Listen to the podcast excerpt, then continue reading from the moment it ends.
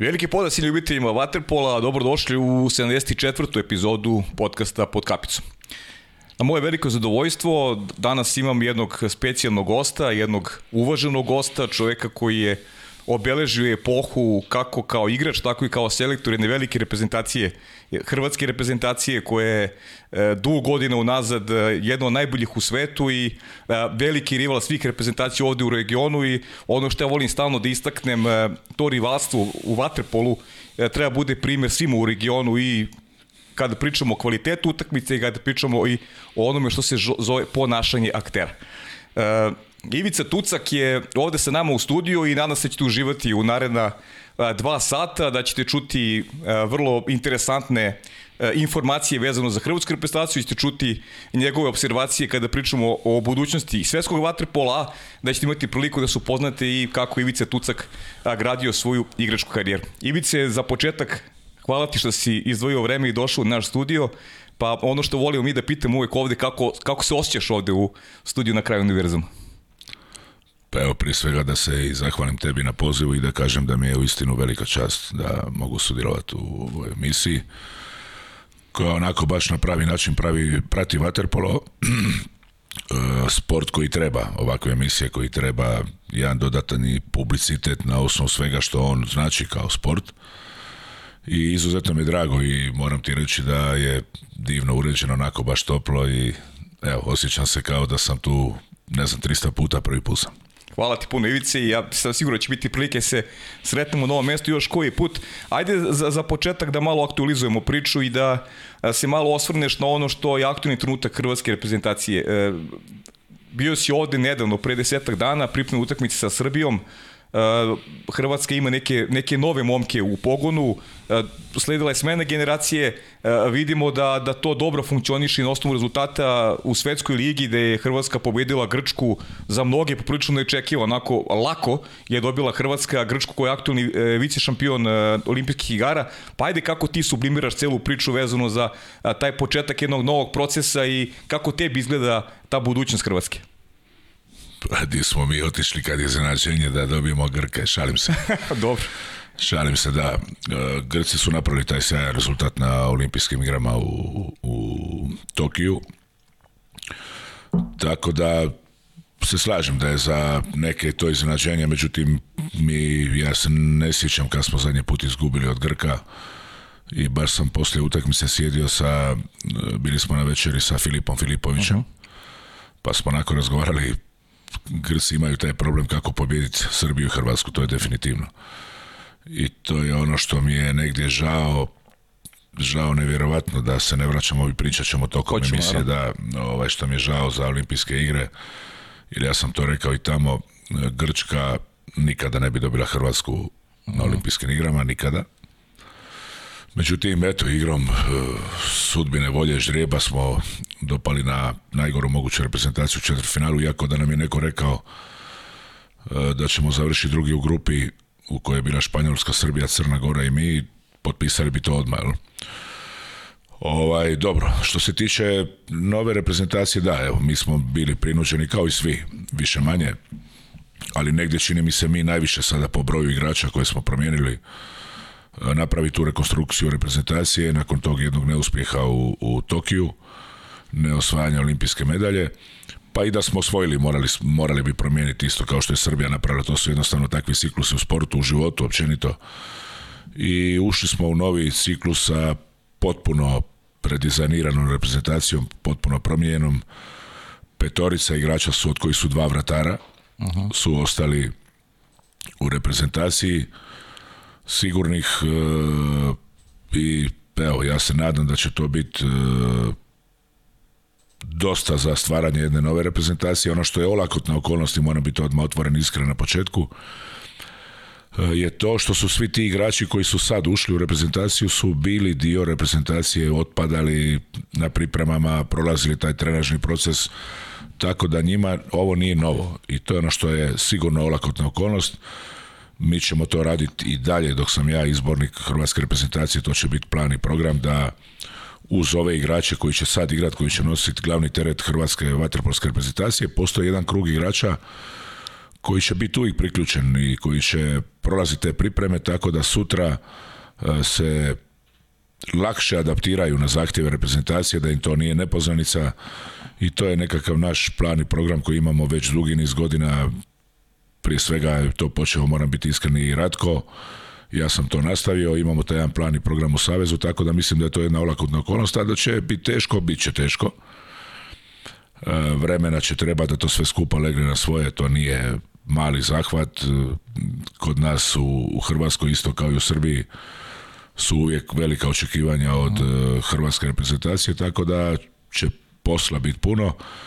I evo, ja moram biti iskren da s obzirom na tu situaciju i na, na zahtjeve koje imamo, pa i na to europsko prvenstvo u Splitu gdje smo domaćini, nikada kao sada nismo na ovaj način prišli e, kako bi rekao zahtjevno tom zahtjevnom zadatku sa toliko žara energije e, spomenuo si sparing u Srbiji, prije toga smo imali sparing sa Crnogorcima u Zagrebu, sparing sa Italijanima, sparing sa Italijanima u Italiji Znači već odrađena četiri mikrociklusa što do sada nismo nikada. I evo, ja mislim da oni već pomalo daju rezultate, to je bilo vidljivo na utakmici u, u Ateni, u Pireju, gdje smo u istinu odigrali jednu jako dobru utakmicu, naravno da je bilo grešaka i greške su uvijek sastavni dio i greške dobre stvari, ali u istinu to već djeluje onako obećavajuće i ja moram biti iskren da sam ja optimističan, da ja sam to i ranije govorio, bez obzira na nekakve neću reći napad, ali na kritike nekih ljudi koji si dozvoljavaju da daju nekakve observacije da u principu nisu uopće upoznati sa dubinom mhm. problema. Ja sam siguran da će Hrvatska ostati u vrhu kako evropsko, tako i svjetsko vaterpola. Naravno, da li će to biti nekad dovoljno da bude prva, druga ili treća ili koje mjesto, to ne ovisi samo o nama, ali da ćemo ostati dalje jedna velika vaterpolska sila, to je definitivno jasno. Da, da. Bilo ono što sam rekao na početku vezano za za to iznenađenje koje ti se nije dopalo.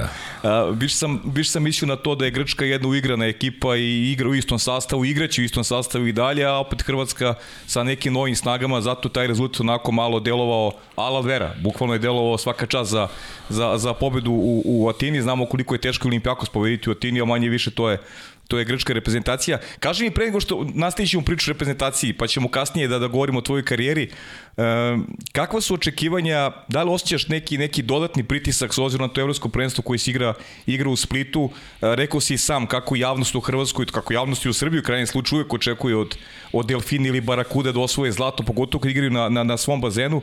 E, kako tu teku pripreme, e, da li te taj pritisak negde tebe, onako dodatno negde ovako, neću reći, neću reći isputava, nego ti onako od, od tebi iziskuju još veći, veću energiju kako bi Hrvatska dočekala spremno to, to evropsko prvenstvo, a da ne smo da zaboravimo da pre toga sledi i svjetsko prvenstvo, tako da ovo je jedna vrlo specifična godina.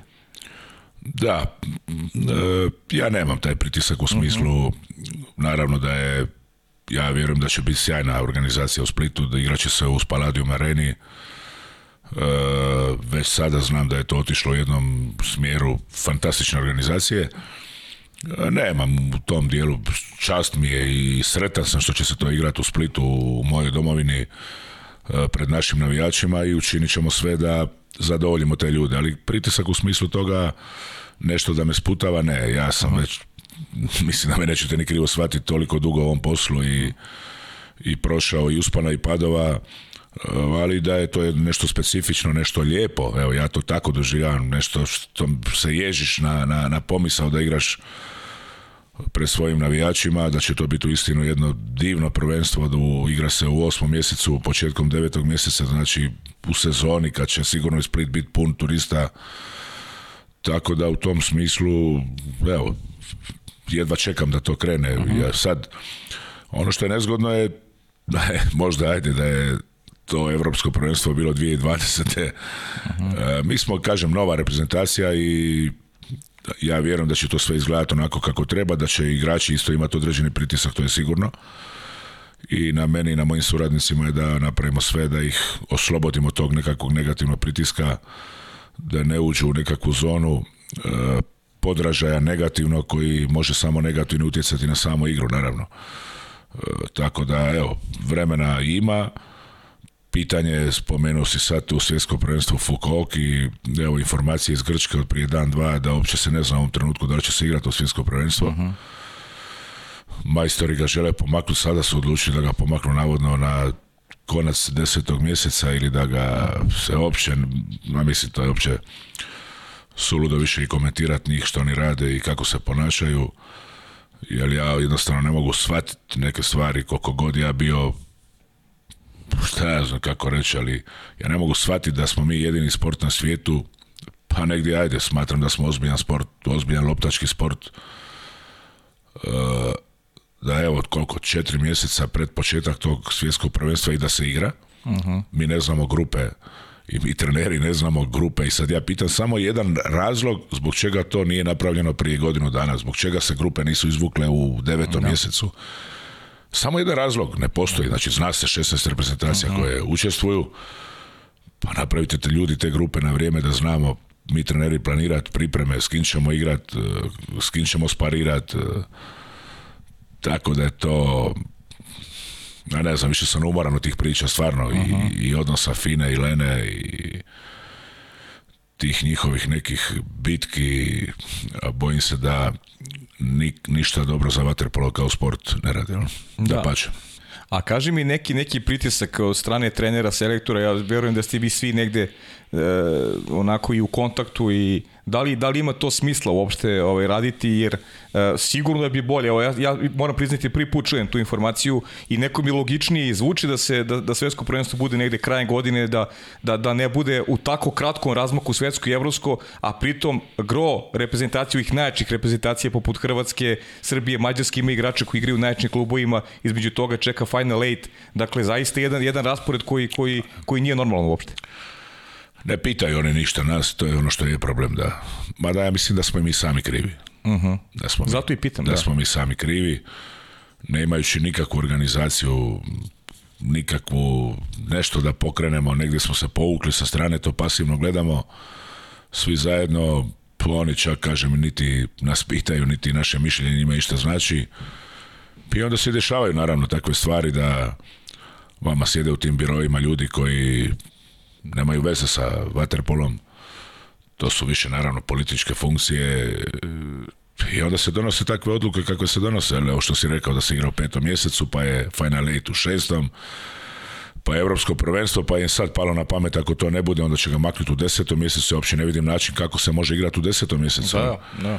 počet će sezona opet. Kako to prekinit, e, počet će sezona, igraju se kvalifikacije za Europske e, lige, evo, u istinu, ali kažem, mislim da smo i mi malo krivi jer smo prepasivni, da bi definitivno trebali imati jednu udrugu trenera koja bi morala imati svoj glas, koji bi se negdje morao respektirati, pa i sami igrači, ih se ništa ne pita, Rauba ih se, još trenere pustimo po strani mi, ali oni, dečki, momci koji su koji igraju godišnje, ne znam ni sam broj tih utakmica, suludih natjecanja, E, tu smo malo prepasivni, tu mislim da i igrači i treneri bi trebali pustiti glas, to u drugim sportovima, u nogometu se ne može desiti. Pa čak je bilo ono pitanje rukometa, kad je bilo ne znam koje natjecanje prije godinu, dvije dana, e, da li je svjetsko, europsko prvenstvo, bi nešto bilo vezano za koronu, pa nije se moglo igrati sa maskama ili je, publika je mogla dolaziti, pa su se igrači digli, onaj Hansen i naš Duvnjak i svi ovi ostali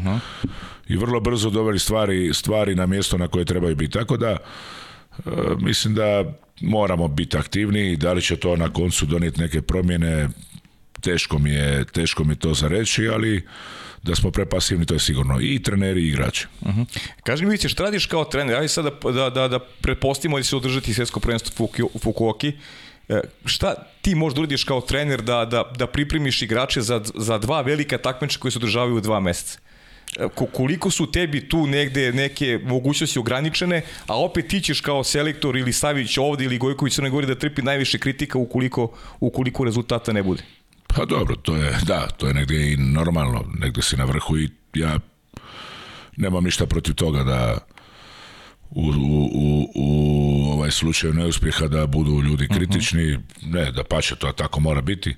Ja sam samo zato da te kritike budu argumentirane, da budu da imaju svoj temelj, da to ne bude nekako suhoparno, pa čak ajde kad pričamo o novinarstvu, da to ne bude, evo prije neki dan sam dobio neki članak iz jednog hrvatskog lista, čovjek, to, to je za nevjerovat što je čovjek pisao. Znači, sad, ja prihvaćam, kažem, kritiku, ali da neko piše proizvojno da igrači otkazuju izborniku zato što su pozitivni na COVID, ali kao otkazuju, ne možeš vjerovat Sad ja kažem, E, manipuliranje, iznošenje neistina, to je nešto što, ali kritika prava, da pače, ona mora biti.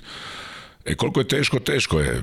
Teško je, ima dva velika natjecanja u tako mhm. kratkom periodu, ponavljam, između toga je e, klubsko natjecanje, igrači su negdje potrošeni, trebaš ih dizat, e, spuštati, ovisno o rezultatu, kasnije, naravno, koliko se napravi dobar rezultat, se ide u jednu euforiju koju trebaš opet spuštati za to europsko prvenstvo, koliko se doživi nekakav neuspjeh, naći način da se ekipa digne, da profunkcionira, tako da je, nije normalno, naravno da nije normalno dva natjecanja u jednoj godini, međutim što je tu je sad, kalendar je takav kakav je, ako me pitaš sad iskreno, evo, između te dvije opcije ja bi ipak volio da to bude u petom nego u desetom mjesecu, jer ne vidim smisao ikakav da to bude e, da to bude i nakon europskog prvenstva nekih mjeseci i nešto dana di dolazi do pražnjenja igrača, mhm. kraje sezone, ulazi se u novu sezonu i ti odmah na početku nove sezone imaš svjetsko prvenstvo, pa nije to nije to nekakva svjetska liga da i, to ne pocijenim. To je svjetsko prvenstvo koje se igra svake dvije godine, koje ima jednu veliku težinu, jel?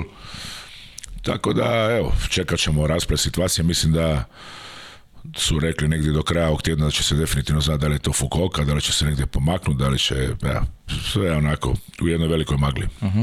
Ono što ti sigurno treba, to je velika, velika e, baza igrača, ono što, što je Hrvatska uvijek imala, ali ti pitati nešto smo, ono, časke smo malo tja i pre početka emisije, želim da mi, da mi kažeš ovako javno, e, znam da ima neka, neka ideja da se Maro Joković ponovo aktivira, pa u reprezentaciji, pa eto, dokle se tu stiglo i, i da, li će, da li će Maro igrati u reprezentaciji i dalje?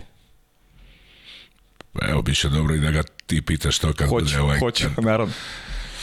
E, evo, nemamo tu šta kriti. E, ja sam rekao taj jedan niz igrača koji su se oprostili od reprezentacije i kojima svi mi u hrvatskom sportu, u hrvatskom vaterpolu i ja osobno samo možemo reći jedno veliko hvala za sve što su dali reprezentaciji i meni. Samo jedno veliko hvala svim tim dečkima, jer su to pravi momci i ja sam s njima uživao raditi. E, od svih njih, kažem, evo, oni su završili, e, moja je želja da pokušam Maru Jokovića da evo nekako nagovorim da odigra barem europsko prvenstvo, znači sigurno ne svjetsko mhm. prvenstvo, europsko, barem europsko prvenstvo i da ajmo gledat prema Parizu da odigra olimpijske igre. Mhm. Ništa drugo za mene ne bi trebao igrati E, sa Marom i to druga reprezentacija. Maro je jedan e, sjajan igrač, to ne trebamo uopće komentirati. Svi znamo koja je uloga Mara Jokovića u svjetskom vaterpolu. Ali iznad toga je Maro jedan divan momak koji, koji negdje tu grupu igrača koju smo sad formirali novu igru, gdje ima iskusnih igrača i tu i dalje i Vrlić, Krapića sam vratio nazad. E, momci koji već sada uzimaju glavne uloge Bukić, Vukićević, Fatović, bijač na golu. Imamo mi tu jedno već iskustvo koje je potrebno ovaj, sa Marom je to jedna druga priča, jer on je jedno vezivno tkivo. On je jedan momak koji je fenomenalan dečko, koji sigurno... To su oni igrači, ja to nekako... To vam je kao recimo Prlainović u Srbiji. Eh, on jednostavno čini ekipu boljom. Mhm. I Prlainović ili Maro Joković kad nisu igrali osobne velike utakmice, osobno oni, mhm njihova ekipa je, kad ih ne bi vidio, njihova ekipa je briljirala ili igrala odlično. Oni jednostavno čine, pa nije za čudo, evo, Prlajinović, ja ne znam sad napamet, ali gdje je bio osvojio ligu prvaka. Jeste. Mislim da... u četiri kluba. Da. Pa eto. Partizan, Zvezda, Solnok. Tako, sad ne znam napamet, i Reko, ili tako? I Reko, bio da. Bio Reko, da. Ovaj, takav je Maro, to su takvi tipovi igrača koji E, njegove ljudske kvalitete, profesionalne kvalitete su takve da on jednostavno reprezentaciju bi činio boljom. I ja ću pokušati razgovarati već jesmo, uh mhm. da ćemo svo vrijeme ovog svijeta da razmisli naravno da mora postati neki rok ukoliko Maro prihvati super, ukoliko on to ne prihvati, ali on, ono što je bitno, on mora imati tu želju. Znači, to ne smije biti nikakvo nagovaranje ni Ivice Tuska, niti bilo koga iz Vaterpolo za Hrvatske. Moja želja je, vrata su otvorena, ali on mora osjetiti tu želju i taj motiv da on odigra. Koliko on to ne osjeća, onda smo na krivom putu i završili smo tu priču. Evo, ja ću čekati, ukoliko se odluči da ostane pri svojoj odlici i da je ne promijeni, naravno da ću evo iskoristiti još jednu priliku i sto prilika da mu kažem hvala za sve ono što je dao reprezentaciji mene osobno. Hvala Ivici na, na iskrenom odgovoru. E, ajmo da kada pričamo o reprezentaciji Hrvatske da se da se dotaknemo i tih mlađih kategorija. Prošle godine dva velika takmičenja medalje ko medalje nisu bitne, bitno je ono što ostaje A reprezentaciji. E, to je sada je onako jedan važan proces tog onako prelaska iz, iz reprezentacije u, u, A reprezentaciju. E, da li tu vidiš potencijal, kako zadovoljan Hrvatskom? Znam da, da Hrvatska opet igrala malo drugačije na tim, na tim šampionatima, da nije imala dominantne centre, malo se prilagođavala, igrala malo drugačije vatrepo, ali pokazala Hrvatska i E, i u tuj nekim kategorijama da, da ima potencijala i e, sad me zanima tvoj pogled kao selektora, da li vidiš tu igrače koji bi mogli u dogledno vreme da budu u Parizu ili u Los Angelesu u, u, u Atimu? Da. Negdje smo u problemu. Mhm. To ne treba kriti. Sama se sam podatak da zadnju medalju koju je bilo koja hrvatska reprezentacija mlada Osvojila je bilo, ja mislim, svjetsko prvenstvo 2017. godine u Beogradu, kad smo izgubili finale protiv Grka na penale. Mm Da, ova generacija popona sivo Grčke, da. Tako je, to je mhm. bio Lazić, kod nas Lazić, e, Biljaka, ja mislim Burić, e, mhm. Dašić, e, to je ta generacija. Mm -hmm. Činjenica da u 15, u 17, u 18, u 19, u 20, znači koliko tih selekcija da mi u četiri godine nismo osvojili ni jednu medalju. Rekao si malo prije dobro, nije medalja, nije medalja jedini po mom sudu, čak niti najbitniji kriterij. Međutim, činjenica da se ne osvaja medalja nije dobro. Mhm. Znači da nešto nije u redu. Ja se sjećam ja se sjećam sebe kao klinca kad sam igrao za te reprezentacije Jugoslavije pa mi smo na svakom natjecanju bili prvaci Europe, prvaci svijeta, prvaci Europe, što god se igralo prvaci. I naravno da iz te jedne selekcije izlazio ogroman broj igrača koji su kasnije nosili e, i hrvatski i srpski vaterpolo razvajanjem e, bivše države. E, tako da nešto nije dobro. Međutim, ne treba samo gledati ni tako usko. Ja negdje upozoravam, pokušavam upozoriti cijelo vrijeme na jedan podatak koji je onako po meni već sad alarmantan, a to je stanje u klubovima. Znači stanje u hrvatskim klubovima u Srbiji je sad promijenjeno. Ove barem, godine, da. Bare mi se čini ove godine, tako mhm. je. Kod nas je došlo do jedne točke da po meni to više tako dalje ne ide. Ne ide i mislim da je jučer bio nekakav sastanak u Hrvatskoj i u vladi. Ja se nadam da će ljudi koji, e, koji vode politiku i koji vode države i koji vode politiku i sporta, ako hoćete, naravno da je to povezano, E, shvatio da je došao moment kad ili se mora napraviti zaokret i, mhm. i, i definitivno ulagati više u, te klubove, u taj sport ili smo gotovi. Znači doćemo vrlo brzo na razinu zemalja koje se tako bave nekako rekreativnom tim sportom. Ne pričam tu samo o vaterpolu, pričam tu o košarci, pričam tu o rukometu, pričam o svim. Nogomet je zasebna priča, on njega ne treba ni spominjati. To više i po meni je negdje polusport, polubiznis, ja ne znam kako nazvat nogomet. Pa baš tako. Pa da, to više. Baš tako. Men, meni osobno kažem svoj stav. Ali ovaj, ovo drugo, i zato iz samih tih klubova, znači iz tog jednog nekvalitetnog rada gdje klubovi nisu u stanju platiti niti trenere, niti osigurati sredstva da ta djeca igraju nekakve turnire, kvalitetne pripreme, naravno da se dolazi u jednu rupu iz koje ćemo teško izaći i E, sad samo krivit, ja nikada ne bi naravno, ne, ne pada mi na pamet, krivit nekog trenera koji vodi tu reprezentaciju e, zato što smo završili peti, ali on je u problemu, ili dobija djecu prvo koja se ne znaju igrat Znači, moramo uzeti vrijeme u kojem mhm. živimo. Djeca se više ne penju na stabla, djeca se više ne, evo, bit ću slobodan reći, ne tuku se na ulici, djeca mhm. nemaju, danas su svi za tim kompjuterima, za tim, ne igraju se, ne doživljavaju sport onako kako smo ga mi doživljavali. Nama je sport bio sve u životu. Ja da se nisam bavio sportom, ko zna ti bi završio u životu. Meni je to bio jedini put u životu da nešto napravim. Sport, sport, po cijele dane. Igra, košarka, nogomet, pa se tučeš, pa te još otac i mater prebiju kad dođeš doma, pa trening, pa... Danas je neka druga vremena, ali kažem, mislim da negdje problem počinje u jednom nekvalitetnom radu u klubovima, uh mhm. -huh. E, nedobroj selekciji pa i trenera ako hoćete, koji su ljudi nemotivirani, koji rade za male plaće, koje su nesigurne. I danas je teško nekome reći da se posveti vaterpolu i da bude i pedagog i trener i da mu kažeš da će raditi za ne znam 5000 kuna koje će dobiti, neće dobiti, pa ko će to raditi? Ljudi se okreću drugim stvarima i tu ulazimo u jedan ozbiljan, ozbiljan problem. evo, ja se nadam i negdje duboko vjerujem da će to, kažem, ljudi koji vode državu E, uspjeti prepoznat, došli smo pred kraj. To je sigurno, to nema nikakve dileme i ja znam da se to reflektira i na reprezentaciju. Pa šta sad trebamo kriti da smo najveće rezultate i uspjeh imali u Hrvatskoj kad nam je liga bila jaka? Kad smo imali jaku mladost, jaki jug, jako primorje, jaki Solaris, jaki Mornar, da ne zaboravim neko Jadran. Sad imamo dva kluba. Pošk. Sad imamo dva kluba.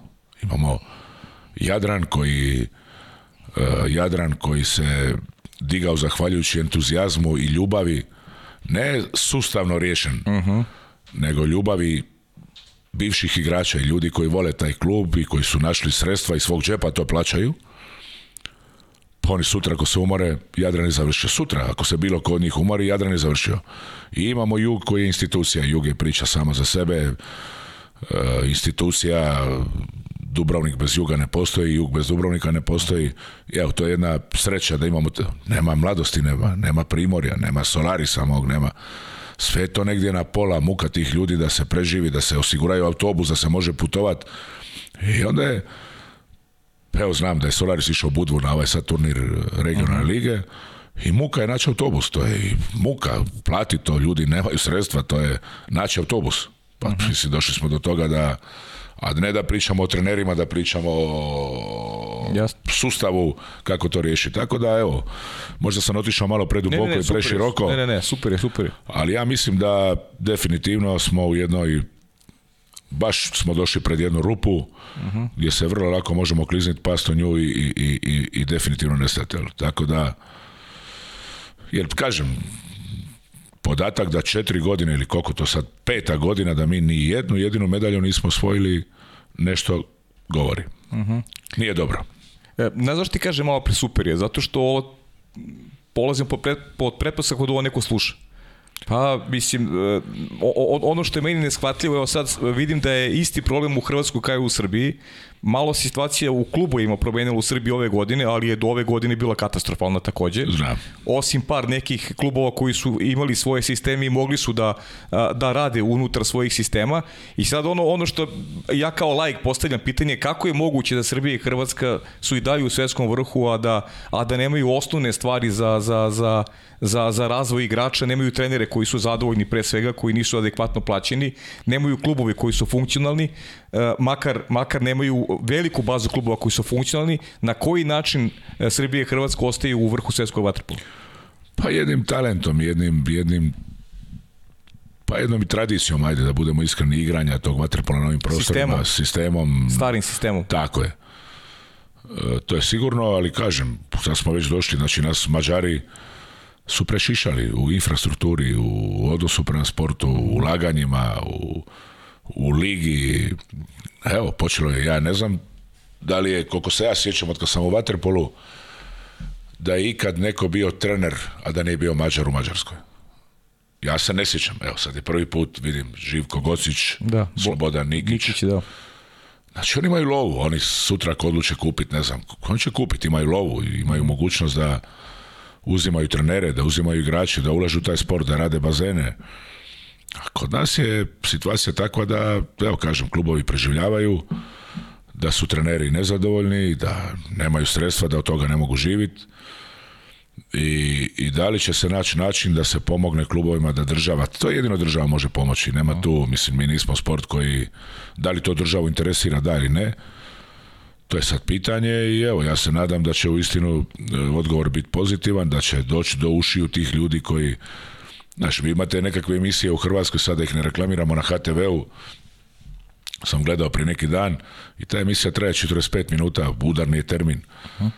Kao problemi u sportu, dovede se pet e, ljudi koji su govornici, koji svaki reče po jednu rečenicu, završila emisija, više ne spominjete šest mjeseci i to je ono što je katastrofalno, ali ništa se promijeniti neće. Ali negdje mislim da moramo svaki dan, svaki dan dava do znanja da nije dobro i, nemamo se tu šta kriti. S druge strane, javnost očekuje. Uvijek javnost je negdje naučila da se donose rezultati, medalje, ali to više nije to. Nismo mi više u toj situaciji da možemo garantirati. Jer nije mhm. dobro. Uh Ja gledam Talijane sad kad smo bili. Uh Sredstva koje samo na, na reprezentaciju, na taj njihov prođeto tehniko, kako ga zovu, to je po 30-40 igrača zovu pripreme, putovanja, mi još kao savez funkcioniramo dobro. Savez, Vaterpolski savez Hrvatske i u istinu hvala savezu jer eh, ja nikada nisam imao problem sa pripremama reprezentacije, pa čak ni mlađe reprezentacije. Negdje tu se sredstva nalaze, ali kažem, ti klubovi koji ne mogu uh, eh, otputovati nigdje na nikakav turnir, ta djeca moraju igrat Ta djeca, ja sam sad gledao na Malti u 17, mhm. kad smo završili 105, mi se čini. Tako je. Da. Ovaj, ta djeca vjerojatno prvi put vide Mađara, oni prvi put vide Grka. Mhm. ja se sjećam prije, mi smo kod djeca išli, klubovi su imali turnire, putovali na sparing pripreme, pa su ta djeca sa 15-16 godina igrali nekakve međunarodne turnire sa klubovima, pa su išli u reprezentaciju. Oni danas prvi put vide Mađara, prvi put na europskom prvenstvu. Oni nikada nisu igrali sa mađarskim igračem, sa španjolskim, sa grčkim. Jer naravno, klubovi nemaju sredstva da se to plati, palo je na leđa roditelja i sad sam koja je to tragedija kad, dođe, kad klub dođe u situaciju da e, roditelji moraju plaćati igračima putovanja, pa nemaju svi, nemaju ta sredstva. Vi radite jednu, neću nazvati diskriminaciju, ali jednu, jednu lošu poruku. Ima ljudi koji spajaju kraj sa krajem, koji ne mogu svom djetetu platiti da ide i ti kao trener si osuđen da. da to dijete ne vodiš. Ma mislim, to je toliko tih problema, toliko tog... E, ružnog se počelo dešava da evo, kažem, ako se to ne zaokrene na jedan pravi način, mislim da idemo u jednu provaliju, dobro, dobro provaliju. Uh mhm. -huh.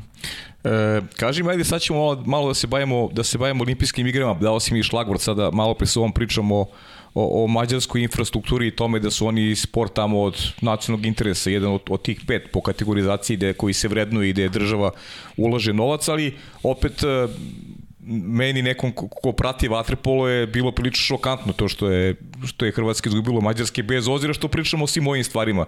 Ja sam neko video Hrvatsku kao reprezentaciju koja je bolja od Mađarske i koja tu utakmicu treba da pobedi. E sad, kako si ti to, kako si ti to e, doživeo, šta se dogodilo e, koji je dao verovatno golova koliko je dao u prethodnih 10 utakmica ili, ili možda za celu karijeru mađarske da. neko se šali.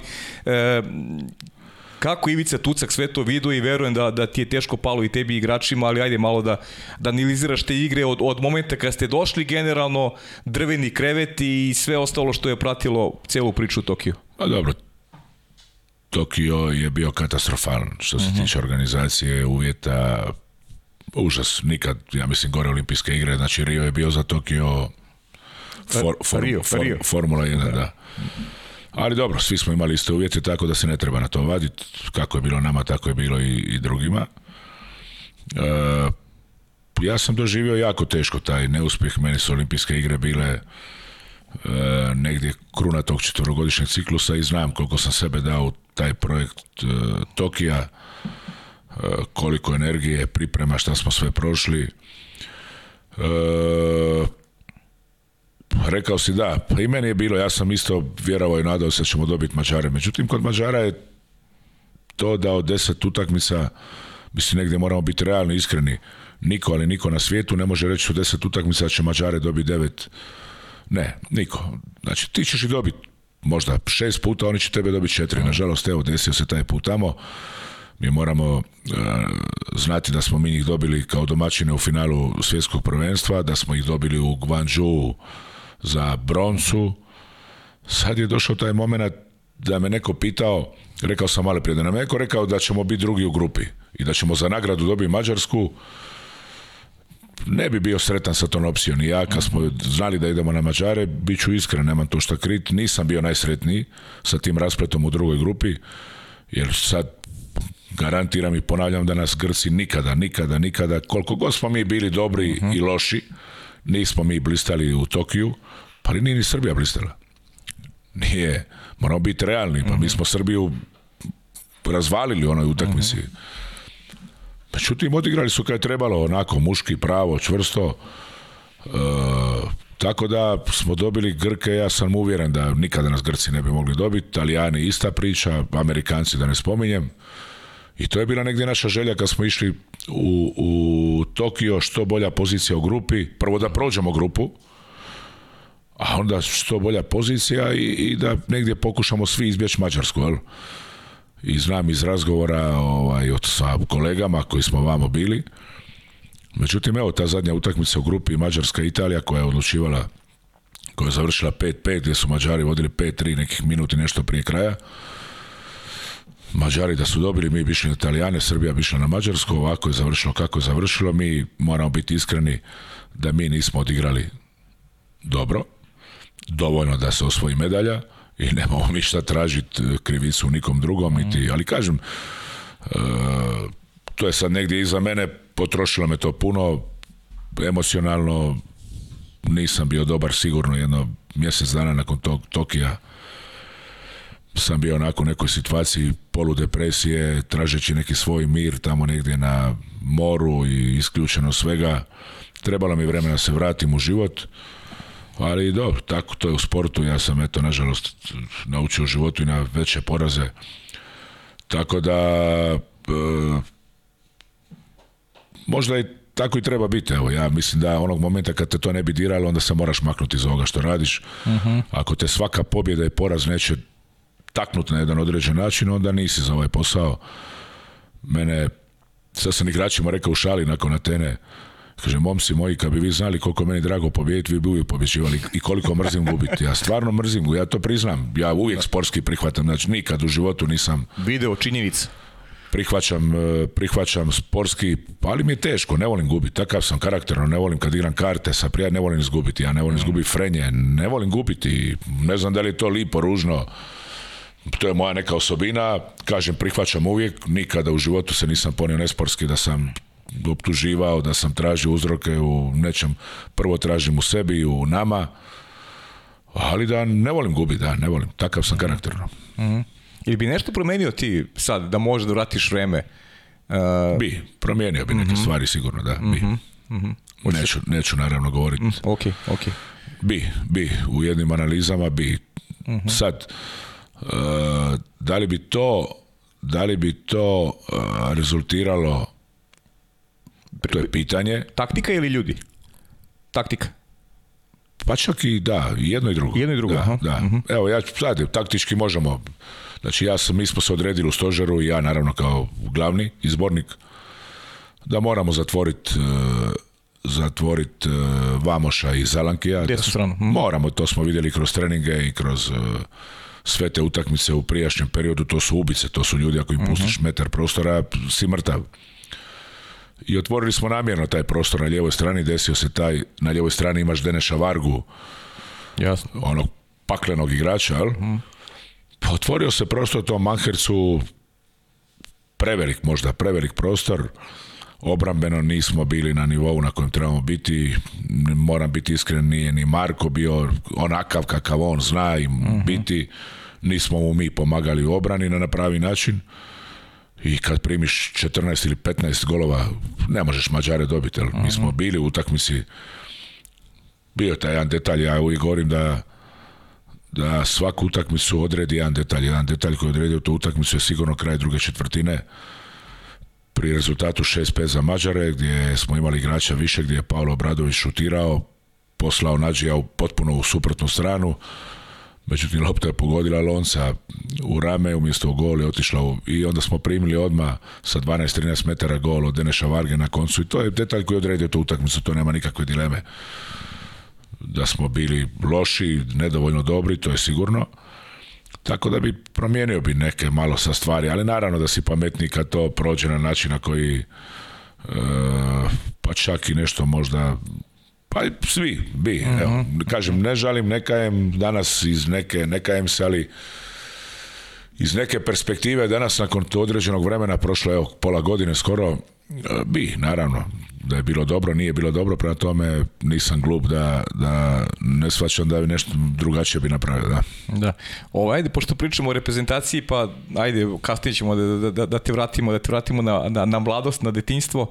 E, Ivice, kao, kao selektor si mnogo toga napravio sa prestacijom Hrvatske. Evo sad, e, Hrvatska je bila i svjetski šampion finalu Riju protiv, protiv Srbije. Da te sad ne vodim kroz, kroz sva takmičenja, da, da, da ti ne oduzimam previše vremena, Kaži mi eto kako si ti doživio sva ta takmičenja, šta ti najdrže od trofeja koji si osvojio, a, šta ti nekako najteže palo? Mislim, preposlije ti je negdje najdrže ta, ta svetska titula koju ste onako lepo osvojili u Budimpešti i pobjeda proti Srbije koja pre, pre tog meča sa, Hrvatskoj imala poraz dugo godina, sam zaborio koliko kad je posljednji put e, Srbija izgubila i onda po, pobjeda proti Mađara u velikom finalu, dakle jedna baš onako upečatljiva e, Hrvatska na tom svetskom šampionatu. Pa dobro, možda je to sigurno da najljepši trenutak svjetska titula, da.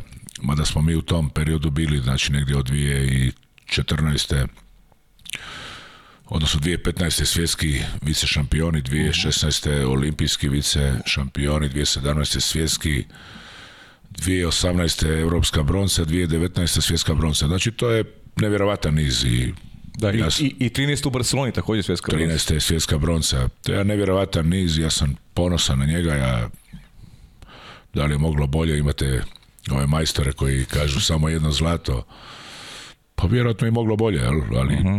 ja sam ponosan na taj dio, ponosan na svoje igrače, to su veliki rezultati, to je to je e, pa sad najveća rana mi je sigurno Tokio, evo, to je nešto što mhm. vjerujem i nisam se do dana današnjeg kad pričam o njemu negdje mi je teško, zato što sam živio to nevjerojatno, zato što sam to želio nevjerojatno, zato što Eh, ne znam da smo ikad toliko trenirali, čak mi i Andro kao kapetan dolaze, možda Ivica ovo puno, možda smo i tu negdje promašili, evo. Uh Možda sam i tu negdje mogao pustiti možda malo te stvari. Radili smo ko konji, ko pasi. Jednostavno ja sam želio da to idemo ratnički, da ostavimo srce, nismo uspjeli. Eh, ta jedna utakmica je odredila tako kako odredila i to mi je recimo najveći najteži, najteži dio, možda je bilo i loših rezultata, bio Beograd 2016. gdje smo se raspali, gdje, gdje pola igrača nije došlo, ne pola, ali ozljeda, jedna loša atmosfera u reprezentaciji i onda smo to osjekli, presjekli neke stvari i to je otišlo u jednom drugom smjeru potpuno. To u Riju finale. pa da, da. I finale i godinu dana nakon toga. Pa li, evo, onda smo negdje ostali bez tog sukna bez tog sukna, bez najboljeg igrača. E, to se ti pitam, da li je to možda ključ uh, cijele priče zbog čega pa nije, ključ, ali, nije bilo više zlata? A nije, pa da, šta, ja sam i u, recimo u Guangzhou smo igrali, ja ne znam da smo ikad tako igrali. Ikad. Mi smo, pa ljudi, se sjećate, mi smo u grupi Ameriku, Australiju. Ja je Deki, ja Deki sjećam, mi je došao i rekao, evo, Deki Savić u tad u Guangzhou, pa kaže, ovo što vi, ovo nisam vidio u životu, nemoj me zajebavati, Deki, ajde, pusti, tek je počelo. I onda smo izgubili tu polufinalnu utakmicu od Španjolske 6-5. Da. Kasnije opet Mađare razbili za broncu. Ali nismo uzeli zlato. E. Sad, nismo uzeli zlato. E, sigurno da je to odredilo. Znači, ta reprezentacija bila konstruirana i rađena s njim. I onda, znači, imaš u taj dio tih kritičara dobronamjernih, ja ih zovem u Hrvatskoj, koji kažu, znači, ovisi o suknu. Pa da, naravno naravno, ko što Dejan Savić ovisi o Mandiću ili, ili ovaj, kako se zove, Martino Peroneu i sve te reprezentacije ili jučer Fići ili e, šta ja znam, Mađarska o Denešu Vargi, naravno. Ajmo sad samo Mađarsku vidjeti sa Denešom Vargom i bez Deneša Varga. Ja garantiram da to će biti dovoljno za dva mjesta ili tri mjesta manje, jel? Sigurno. Da, znaš, ali sad ostali smo bez najboljih igrača na svijetu. Naravno da oko njega je bila mm, rađena igra, on je bio taj jezičac na vagi u momentima kad on se digne zabije gol i ne treba šta sad tu treba nešto biti pametan i e sad smo ostali bez njega, ostali smo, ali smo ostali dalje konkurentni, ostali smo e, međutim da li je to bio sigurno bio jedan šok, jedan moment koji niko od nas nije, e sad da li je to da li si rođen bez sreće da ti se to desi tada, tako, na taj način i njemu i meni i nama, da je, mislim, šta sad, šta ću ja mogu plakat, ne mogu, neću, nisam nikad, ali da je on ostao u bazenu, to bi bila druga priča, da. Uh mhm. -huh. Znači, najlepši moment definitivno tako, Mađarska i, i Pa je, je, negdje stvarno smo igrali, on je tad došao na svjetsko prvenstvo, Sandro sa slomljenim prstom i nismo znali da li će igrat. Mhm. Pa prve tri utakmice ja ga nisam držao bazenu po 3-4 minute. Jel? To su ljudi zaboravili. Uh mhm. -huh. Slomljen prst u Americi praktički sa bandažama može, ne može, do zadnjeg trenutka može igrati, neće to ćemo ga voditi, nećemo ga voditi. Ja sam odlučio da ga vodimo i da ga kroz grupu prvih 7 dana još ćemo da igra i jako je malo igrao, ako se sjećate i protiv Rusije i protiv Amerike u grupi i Japana i tek je onda praktički tamo od četvrt finala počeo od Italije i polufinale i finale. No? Morate priznati, sad ću ti reći iskreno, mislim da je ta, to finale sa, sa Mađarskom evo iz mog ugla možda najbolje što sam gledao od, od, od onako ne hrvatske reprezentacije, ali od hrvatske reprezentacije meni ono bilo imao sam imao sam utisak da da se igrala utakmica dva dana da da ne možemo Da, da nema šanse da se izgubi, da. A, bila je sjajna reprezentacija to je bio negdje, kažem, e, jedan moment sa suknom, sa Čavijem, recimo, u najboljim godinama. Mhm. Čavi sigurno nije bio isti 2017. i 2021. U godinama, u biološki. Jer tad se poklopilo to da je to bila reprezentacija i bila bi, da je ostao Sandro i 2018. i 2019 i Joke, i Centri, i Marko na golu, i Marca koji je davao protiv Italije, tako da, da, tu smo bili negdje najzreliji, naj... I onda se desilo to što se desilo sa njim, ostali smo bez najboljeg igrača, bez vezinog tkiva, bez najboljeg igrača na svijetu. Naravno je to ostavilo jedan šok. Mhm. Međutim, već iduće godine smo osvojili ono u Rijeci e, europski onaj kup. Uh jedno natjecanje koje ne treba zanemariti pobjedivši pobjedivši Srbiju, pobjedivši Crnogoru, pobjedivši Španjolsku u finalu 2018. da. 2019. 2019. Gvanču, prije toga smo igrali ono finale sa Srbijom u Beogradu na Tašmajdanu pod onim kišom i puskom. A jeste, da. da. Jednu fenomenalnu utakmicu izgubili zadnjih 4-5 sekundi prije kraja primili taj gol iz Peterca. Tako da, evo, kažem, tih rezultata je bilo, ali možda je to bio momenat da gdje smo bili najzreli, najkompaktniji, naj mhm. U najboljem momentu, evo tako. Mhm. I definitivno kažem s njim, sa Sandrom. Sa Sandrom, da. Dobro, ćemo, imamo da kažemo još nešto vezano za, za, za eto, tu tvoju neku epohu selektora. Ovaj, nešto bi volao da istakneš, nešto što, što je tebi onako, će uvek, za ostati, ove ostati u sjećanju i ajde malo da se osvrnemo na, na očekivanja za, za Paris pa da pređemo na, na, na, na tvoju igračku karijeru. Pa ja ne znam šta mi može do sada, evo ja prije svega moram reći da i malo kad smo razgovarali. Znači mhm. čovjek mora biti, je najsretniji kad radi ono što voli. Mhm. Mislim da je to bog, najveće bogatstvo u životu svakog od nas. Nisu ni materijalno, ni, ni... To je nešto što mene, ja radim ono što volim. E, taj vaterpolo je moj život, to je negdje... Ja ne mogu zamisliti svoj dan bez toga. I rekao sam ti da mi neko sada 5 milijuna eura da mi kaže ovo vlasnik si ovog hotela, ja ne bi bio sretan čovjek. To nije moj život, to nije moj, moj život je ovaj kupače gače, taj rub bazena, jer sam cijeli život uz taj bazen i u bazenu i to me odredilo i kao čovjeka. I ponosan sam na to što radim, bit izbornik svoje reprezentacije, sutra pa ako me put nanese, a hoće, jer želim to još raditi i znam da neću biti do vijeka na ovom mjestu. E, sigurno neću sa toliko entuzijazma, želje, ljubavi sjediti na klupi neke druge reprezentacije kao na klupi svoje domovine. To je jasno. I sretan sam što sam imao te momke i što ih imam dan danas e, koji me čine onako baš sretnim, zadovoljnim, jednu pravu obitelj. Ja i volim te momke, ja sam to rekao milion puta, naravno da kad radimo da dolazi nekad i do teških riječi i to sam i rekao zadnji put na sastanku kad smo radili sastanak s ovom novom reprezentacijom. Nekada iz mene izlete riječi koje su teške, koje su ružne, opore, koje... Međutim, ja to jednostavno govorim zato što vas volim. Jer ja želim dobro i vama i meni i svima nama rezultatski da možda to nekad i ne kažem, da prešutim, možda ni to ne bi bilo dobro. Znači da me ne bi bilo... Pa da, da mi svejedno, da a meni je stalo, stalo mi je do tih, i stalo mi je do tih momaka i kažem, ja ih u onako puno volim i doživljavam ih negdje kao svoju djecu, kao jednu obitelj i divno mi je s njima i divno mi je kad pobjeđujemo, teško mi je kad gubimo, ali to je, i to te gradi, ti mhm. porazi, ja se sjećam tog poraza u Tokiju od Mađarske, kad ti se sruši cijeli svijet, kad ti se sruši sve tvoje ambicije, život, kad misliš da je to kraj, da sutra se nećeš probuditi. Evo ja sam se tako negdje osjećao sa jednom boli u prsima sa, nije to reklama, ali sa dvije kutije cigareta, tri, ne znam koliko sam tu noć popušio i misliš da si, i onda se utro probudiš nekako si, moraš ići dalje, moraš život, moraš živjeti, ne mhm. možeš se. Tako da i to je jedno odrastanje, ti porazi, te pobjede. li imaš nekog u sebe u tim trunicima kada, u, svi su tu kada se pobeđuju, jel imaš u sebe, ko je tu kada, kada gubiš? Pa vidi, uvijek ti je to teško, uvijek ti ostane tvoja obitelj, mm.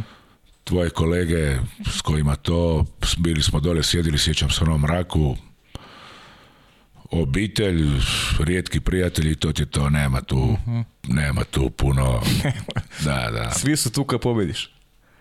Pa tako je to. Pa jeste, je. životu je tako baš. Kako je dana pjesma od kolone Svijet voli pobjednika, jel' tako misli tako da, nešto. Da, da, da. Pobjednik, da. ovaj, ali dobro, ono, ja, ono što želim reći, gradite kao osobu. Mm-hmm. Znaš, mene taj poraz sigurno me sigurno me negdje u, će me napraviti boljom osobom, to je sigurno. Mhm. Jer ću znati cijeniti neke stvari, drugačije gledati, i već gledam na neke stvari u životu. Tako da nije dobro samo se pobjeđuje, treba nekad i pasti. Mhm. Samo se treba dignuti, jel? Da, to je najvažnije kad padneš, znaš, samo kad padneš je bitno da se ne valjaš dole po podu, da te neko ne, još ne cipelari, nego se dignut. Dignuti i ići dalje. Pričamo kasnije o tome, ti si čovjek koji zaista prošao svartu u životu i ovaj, često ti u životu nije bilo lako, ali su spevao da, da pronađeš neki put. E, sad ću se nadovežem samo, pošto pričam o prezentaciji ovaj, to rivalstvo sa Srbijom i to prijateljstvo sa Dijanom Savićem, koje je eto, ljudima u Srbiji posebno interesantno i ta jedna prelepa slika koju vas dvojica šaljete, bilo da pobedi Hrvatska, bilo da pobedi Srbije, to je taj zagrljaj, to je to prijateljstvo na koje potencirate i ja često u emisijama govorim, e, taj to rivalstvo, to veliko rivalstvo između Srbije i Hrvatske koje nikad nije prevazišlo granice sportskog i to je nešto je meni zaista sjajno i zato vas mnogo volim i, i upravo zbog toga što šaljete jednu, jednu predivnu sliku. Pa ajde malo da mi pričaš o tom rivalstvu sa Srbijom i, i o tom prijateljstvu sa, sa, sa Dijanom Savićem. Ja mislim da je to normalno, da je to poruka sportaša. Mm To je moj stav i ja mislim sad kad pričamo o tom ribarstvu Srbije i Hrvatske, ne, naravno vezano za odnose dvije zemlje i svemu ovome što se nažalost izdešavalo u prethodnom periodu, e, ono što mi je drago da smo i Dejan i ja uspjeli to prenijeti na svoje igrače i da su ti momci između sebe veliki prijatelji van bazena, da su u bazenu strašni rivali, da tu lete i šake i udarci i ja se sjećam u finalu Rio kad je Dule Pietlović razvalio Macana, mene je zabolilo. Ono. Ali ili Lolo kad je, ne znam, Čuka udario Fiću, koga Fiću, u Fiću, da. da. Ovaj, to je sportski, to je sport, ali van bazena je, to mora biti e, to mora biti zaboravljeno unutra, van bazena mi smo sportaši, mi smo prijatelji i moramo znati ovaj moment u kojem živimo. Ja sam to rekao milion puta da ja tebe ne mogu mrziti zato što si Srbin. Ja to ne želim, ja to nisam tako odgojen, ja to nikada neću u životu. Ja samo želim da se i mene poštuje zato što volim svoju domovinu, volim svoju Hrvatsku i to mi nikada niko neće oduzeti, ali ne želim Srbiju mrziti, neću, ne, ne, ne. Ja želim da ti voliš svoju državu. Tako je da je poštuješ i da tu budemo normalni ljudi, da normalno živimo, da u sport je taj koji treba e, povezivati ti voliš svoje stvari, ja volim svoje stvari, volim svoju zastavu, svoj grb, ti svoj. To mi je divno, to mi je, to mi je negdje poruka sporta i e, kad slušaš tu svoju himnu, staviš ruku na srce, ponosan si ili to, ali ne mogu zbog toga mrziti tebe, ja ne želim to. Neću, nisam tako odgojen. Možda ima ljudi koji ja nisam tako odgojen. Neću to nikad. Tako da mi je to negdje, pa evo ja ne znam, to se negdje potencira, meni je to normalno, ja bi to mhm. A uz to je Dejan, kad pričam o njemu, ja sam to rekao u tisuću navrata, on je jednostavno čovjek kojeg ne možeš ne voliti.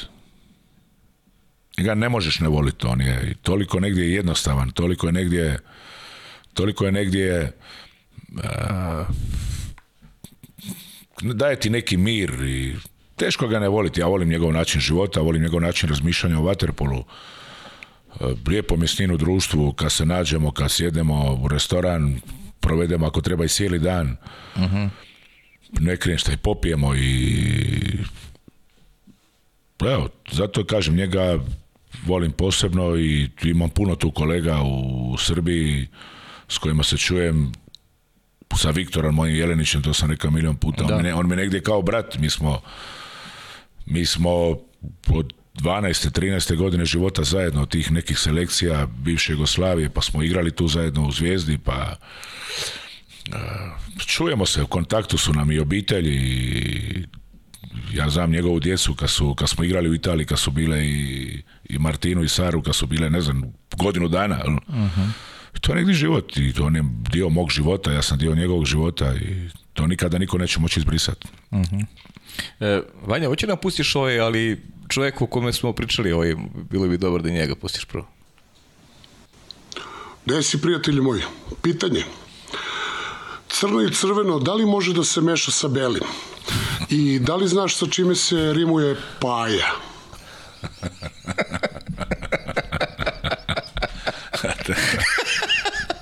to je on, pa da. Pa to, je, to, je on, da. to je on.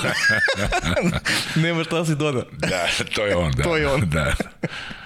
Pozdravljam te, deki moj, puno i vidjet ćemo se mi ovih dana tu, pa ćemo vidjeti da li se može mišati. da. da se može, da, da li može se miša. da. Evo, to je on, da. Da. I kak, teško ga ne volite, mislim, on je takav i to nije, ovo je njegovo prirodno stanje. Jednostavno je, on daje mir, on je običan, on je nije neka napucana budala, te, te ljude, te ja znam, ima ljudi koji su uspješni, ono, ali pa, to što ti igraš dobro vaterpolo, što igraš dobro tenis, ne znam šta, imaš svoj brod, to je samo tvoje, ali znaš, budi negdje normalan čovjek, budi negdje, znaš, meni to neshvatljivi su mi ti ljudi koji imaju neke ograde, ono, ja sam zaradio, ja sam osvojio, ja sam, pa, dobro, šta i? I, to si ti, to je tvoj život. Tako je, budi negdje normalan, daj da budemo ljudi normalni da se... Tako da je on, evo, on je upravo taj, zato ga volim. Da. Kaže, imaš neku, neku, neku anegdotu koju je ovako podijelio s tamo vezano za, znam onu čuvenu priču, to si već pričao, kad ste sjedili vas dvojice i, i sjajni glumac Goran Bogdan da, da je pokazao veliko znanje iz kinematografije, da, da, da stvarno ima veliki spektar interesovanja deki. Da, ali to je trebalo preživiti. Aha. Nije bila laka noć. Nije, Ne znam kada je to završilo. Pa sam, pre neki dan sam s Goranom baš nešto dopisivao. Leto, ja mislim, u Beogradu snima nešto. To je bilo... Samo mikrofon, molim te. To je bilo pakleno, da. To je bilo... To je bilo, ovaj, ima s njim puno anegdota i puno zabava i ko će sad to se sjetiti, izvojiti, ali on je baš onako jedan... Znaš, kad se s nekim osjećaš dobro, evo, to je to. Je to. uh Po meni je to to. Ono, u životu je to najbitnija stvar, s nekim se osjeća dobro, pored nekoga... Znaš, imaš ljudi koji, ja ih zovem e, nekakvim vampirima Aha, koji, koji, ti, mm. koji ti, da, ubijaju, da, mm. energetski vampiri, da, koji te ubijaju. Imaš ljudi koji jednostavno pored tebe ubijate, trošite i ja bježim od toga. Danas imam 52 godine, mislim stvarno sam prošao puno toga u životu i privatnom i, mhm. i sportskom i poslovnom i vidio svijeta, upoznao ljudi i ovakvih i onakvih i jedino što neću više loše ljude pored mene. To jednostavno uh mhm. -huh. više nemam živaca, nemam volje, nemam takav sam karaj neću, hoću da su mi pored mene dragi ljudi, ne želim ništa glumit, ne želim, nemam više potrebu da ikome išta predstavljam, ko sam, šta sam, da, svoj život, kome paše, paše, kome ne, široko ti polje, buras. Tako da, evo, negdje mislim da to je bit, evo, imati ljude, prijatelje, e, ja s njim mogu sjediti u restoranu, ne znam, ja mislim da bi mogao dva dana. Sad smo bili nakon te utakmice sa Srbija Hrvatska, smo bili zajedno išli iz Saveza Srbije i Hrvatske. Uh Ostali smo isto do jutarnjih sati. Eto, ono, prođe ti kom sekund, minut i... To mi je lipo negdje, to mi je, to mi je moj način života i tu se osjećam lijepo, tu mi je ugodno, tu mi je... Kažem ti od ovih ljudi koji me ne, jednostavno više nema ni vremena, ni želje, ni volje, ni... Samo bježe od mene. Znači, imaš puno ljudi, naravno, koji te i ne vole, koji ti ne žele dobro i ja ja puno ljudi koji ne vole, negdje ne vole. Nije mi dobro pored njih i mhm. samo dalje od mene, evo, to mhm. šta je, šta je, šta je... Ne da mi se, znaš, ono, više uopće komentirat nekoga, samo se makni dalje i svoj put, produži dalje. Da, produži dalje. Zdravko Čolić, ili tako? Zdravko Čolić, da. Produži, dalje. dalje. Znaš šta je Ivici interesantno tu? Što ste vi ipak veliki ste rivali, znaš pa da, izgubiš, olimpijsko, izgubiš olimpijsko finale u Riju, treba zagrliš neko i da mu kažeš bravo majstore, a sigurno ti izgubiš svetsko prvenstvo Budimpešti, treba on tebe da zagrli i kaže ja mislim da ja mislim da je to bit sporta, ja mislim da, je to ali, ali ali nije ali nije ne, ne možeš da kažeš da je to svakidešnje. Ja sam ti rekao malo prije, ja mislim da smo na jednom dijelu, ja nikada u životu nisam svoj poraz prihvatio na način da to nije bilo sportski. Nisi. Meni je, meni je teško, ja odem tamo u svačionu i pušim mhm. pet cigareta jedan put. Nije to pohvalno, ali to je moj život i ja se ne sramim toga, tako je. Ovaj, ali čestitat protivniku, suparniku, rivalu koji je bio bolji, mislim da je to poruka sporta, mislim da je to koliko god je bilo teško i mislim da moraš biti čovjek, sportaš, zagrlit tog čovjeka i zaželit mu, evo, hvala ti što je bila divna utakmica, bio si bolji, učinit ću sve da sutra budem ja, ja mislim da je to to i ja ne vidim to ništa da, rivalitet je, pogotovo zato što je Hrvatska Srbija, ali smo dvije sjajne mhm. reprezentacije u zadnjih tih ne znam koliko već godina se posvajalo sve, i mi i oni.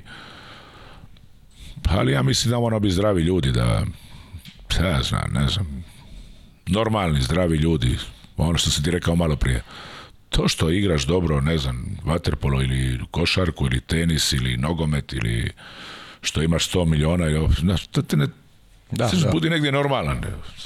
To je tvoja stvar, mene to ne interesira. Mm. Ja od tvoje love niti imam šta, niti od tvojih medalja imam. Samo budi negdje normalan ako možeš biti, ako ne, šišaj, brate. Bukvalno. E, Ivice, ajmo da se vratimo malo nazad. E, ti si Šibenčanin, ja nisam mnogo ovaj, mlađi od tebe, ja sećam Ši Ši Šibenka, ono vreme Dražen Petrović, da. Srećko Jarić, pričali smo košarka, je bila onako spor broj 1 u Šibeniku, kako je Ivica Tucak zobišao košarku i, i završio u Vatripolu? Da, ovaj, kad je to bilo, 78. ja mislim sa 8 godina ili početak 9. ne mogu se više, 8. ja mislim. Sam slučajno otišao na bazen jer mi je moj prijatelj iz razreda Aha. koji je sjedio pored mene i trenirao vaterpolo. Nisam imao pojma što je vaterpolo. uh Ja mislim da sam tek godinu dana prije toga je dvije proplivao. Ono, boja sam se vode, nešto nisam bio od mora, od vode. uh Pličak i gibanica. Ono, gibanica, da. E, slučajno sam otišao kako sam došao na taj vaterpolo. Ono, pokojnoj majici i ocu rekao da mi kupe te kupače i to otišao kako sam otišao na vaterpolo više se nikada nisam makao pričali smo malo kao djeca smo se igrali i, imali, imali ovaj milion tih e, nogometnih utakmica, košarkaških. Ja sam negdje bio talentiran za sport, stvarno kao dijete i po cijele dane sam bio na toj ulici. To mi je bio način mog života. Tako da evo kako sam zaobišao košarku koja je bila u istinu tada tih 82. četvrte. četvrte, sa pokonim Draženom, sa tom generacijom sjajnom, e, otac od mog pomoćnika, od Jure Marelje, Željko Marelja koji je bio, mhm. koji je bio kapetan Šibenke tada, Branko Masura, Sreten Đurić, svi ti igrači, Srećko Jarić, Predrag Šarić, Predrag Šarić. ja na znam sve sada, da. Čak mislim po brojima da bih bi znao na pamet mhm. Jer smo to pratili, Šibenik je onda živio to. Ali ja sam vrlo brzo, evo, ja sam vrlo brzo, ne znam kako je to bilo stvarno, ja sam uporan strašno bio i, i možemo i pričati kasnije, nema taj problem, negdje sam bio čovjek koji je otišao negdje, nisam bio sportaš pravi, evo. Mhm, mhm, jasno. Nisam bio pravi sportaš, možda sam sigurno mogao napraviti veću karijeru sportsku, jer sam negdje bio, mislim da sam bio talentiran i jedan od, dobar, vrlo dobar igrač, neću za sebe reći odličan, ali ali sam vrlo brzo, ja 85. godine sam ja već ušao u prvu ekipu Solarisa, uh mhm. -huh. a 86. godine, znači sa 16 godina sam ja igrao u prvoj sedmorci Solarisa, prvoj sedmorci, u godini kad se Solaris borio do zadnje kola sa Partizanom za naslov prvaka države. Mhm. Partizan sa Igorom Rađa, Rađa Goć, Anto Vasović, e, Mirko Bradajić, e, Krivokapić, e, ovaj Baka Krivokapić broj 7 je igrao lijevo, strašan igrač bio. Tad sam već evo, upao kažem, u prvu sedmorku igrao mhm. desnog vanjskog čuvao, najbolji igrač čuvao Čuhu, pokojnog Opčevića, vrlo brzo ušao u tu reprezentaciju mladu, mhm. 18 godina sam bio na spisku reprezentacije za olimpijske igre na 20, među 22 imena. Tako da evo, osvojio sa tom reprezentacijom mladom juniorskom sve što smo onda mogli osvojiti, ta generacija Viktor, pokojni Dušan Popović, Dejan Darko Udovičić, Vaso Subotić, Predrag Zimonjić, uh mhm to je bila ta generacija Duško Čirković, Vito Padovan, sjajna jedna generacija sa Nikolom Stamenićem koji nas je vodio, sve smo, da, i, i onda evo, ovaj, e, sam otišao u zvijezdu, odigrao i tu sjajno prvenstvo. Tu, Među... tu Stamenić je tako? Da, da, da, Stamenić i, i pokojni Bato je bio Orlić, on je bio uh tad direktor u zvijezdi, Kažem, tad sam bio i na tom širem spisku, Nikola me negdje stra volio kao igrača, ja sam njega obožavao kao trenera, imali smo baš neku... Mislim da je on najviše utjecaja i ostavio na mene i kao mhm. trener i kao... Gradio me kao li, on je bio takav specifičan, težak, neću reći sad, možemo nazvati maltretiranje, to bi danas bilo u sportu. Ali izgradio nas je sve kao ljude, kao sportaše, kao... Ja mu uvijek moram reći jedno veliko hvala za sve što mi je dao u životu uh pa i vaterpolu. Dan danas njegovi postulati, naš vaterpolo otišao naravno, to je 30 godina i otišao u jednom drugom smjeru, sve to puno brže kao i drugi sport. Međutim, njegovi ti postulati su danas od značaja, danas su oni temelj sada ne pričamo o nekim detaljima vezano ne za obranu, za igrača, manje kontranapade. Samo je to brže, samo priče, to... Priče, ajde, to je, to je, jeste prilika da se priča, kaži te neke, ne znam, sa igračem manje, mi smo imali ono trenere, pa digni ruku lijevu, digni ruku desno, ti nemaš pojma zašto moraš dignuti lijevu, desno, ali Malo, digni ruku, jel? sa igračem manje, digni ruku, trener, a nisi diga ruku, a ti nemaš pojma zašto moraš digniti, i kad je moraš digniti.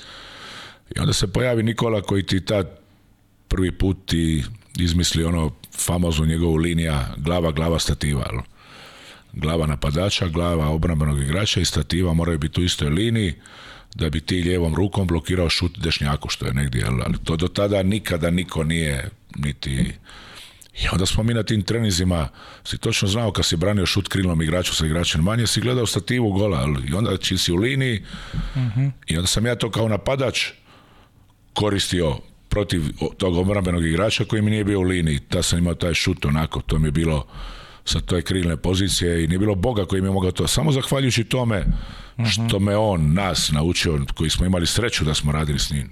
Bili Milion tih detalja, otvaranja linija sa, u kontranapadu, zašto ide krilni igrač, zašto se vraća druga linija, treća linija, ulazi... To se prvi put s njim tada negdje.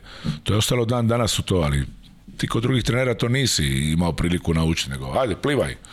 Plivaj u kontru. plivaš. Tako da evo, to je, ma mislim milion, milion tih detalja, pa ta tehnika dodavanja, primanja lopte, ono tri faze sa nezgodne strane, pa primiš loptu faza 1, faza 2, okrećeš tijelo i onda dodaješ loptu, a mi smo prije ono sa nezgodne strane pa primaš loptu pa ti polože nogu, sve te učio, to je bilo uistinu jedno divno iskustvo i kažem dam danas je to ostalo, na tom se gradi uh mhm. -huh. nešto danas je otišlo naravno brže, drugi je ne, ali temelj je taj. Uh mhm. -huh. pričali smo pre emisije, taj, taj eto, Beograd koji si tada jako dobro upoznao, e, pričao si mi i gde si, i si živio i kako ste se, kako ste si provodili. E, Zvezda koja imala i sjajnu ekipu, imao si kao mlad igrač tada i priliku da, da igraš sa, sa igračima koji su to vreme bili onako od, od, od klase, što se kaže, i e, Mene je Beograd ubio, ali ja to moram znači, Dobro. On, je mene, da, on je mene tad kao mladog igrača, mi smo stvarno imali fantastične ugovore tada. Mhm. To su bili ozbiljni ugovori. Živio sam tu, da, u hotelu Excelsior u Kneza Miloša. Mhm. Mislim, to je bilo ono, ozbiljna priča, ali... Međutim, mene je Beograd ubio, jer sam je došao mlad, sa 20 godina, prvi put u životu dobio tu neku lovu ja nisam imao roditelje koji su mi mogli omogućiti, e, volio sam ih najviše na svijetu, i oca i majku, ali su, pa, je bilo neću reći teško djetinjstvo, ali nije to bilo, samo je bilo uči školu, treniraj, imali smo jedino što smo imali na pretek je bilo ljubavi. Aha. A drugo je bilo, tako da evo, prvi put sam ja došao tad, osjetio neki novac, dobio, postao negdje popularan, negdje tu pred vratima reprezentacije, igrao ozbiljno u toj zvi. I mene ubio me Beograd, u smislu da ja sam svaku noć bio vani, po Nanama, Tašu, kako su se zvali u ono vrijeme, zatvarao te diskoteke, nažalost je tako bilo. Mislim, nažalost, ne, nažalost, ne. Tako je bilo. Tako je bilo, da, kad kaže nažalost.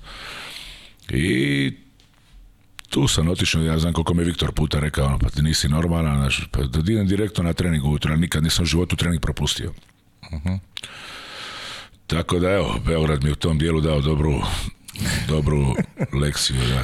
Nisam ja mogao se uskrvasti. meni je bilo lipo i imali smo dobru ekipu, dobre Žare Stefanović koji je bio kapetan, koji je bio nakon Mangupu s njim non stop van i curice, izlasi, i to je tako bilo i ne žalim za tim da pače. Da, to si, da to, da, to si znamo. Da se bar opet mogu vratiti u te godine.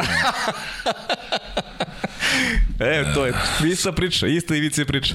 Nikad nisi krio to da voliš, da voliš kafanu, da nisi bio disciplinovan, to te vratno i koštalo bolješ karijere, a znam i druge priče, aj sad, što ti kažeš, nego ove, i druge priče si bio jako talentovan i da si pa bio uvek bio igrač, da. jeste, da si bio ozbiljan igrač, da, si uvijek bio na tom širen spisku reprezentacije pa još kad si bio klinac, pa ajde, eto malo to kafana. Pa evo, meni se desilo to, nažalost, evo, taj dio. Prvo, znači, polazimo sebe i mhm. ja sam tu kriv jer se nisam dao 100%.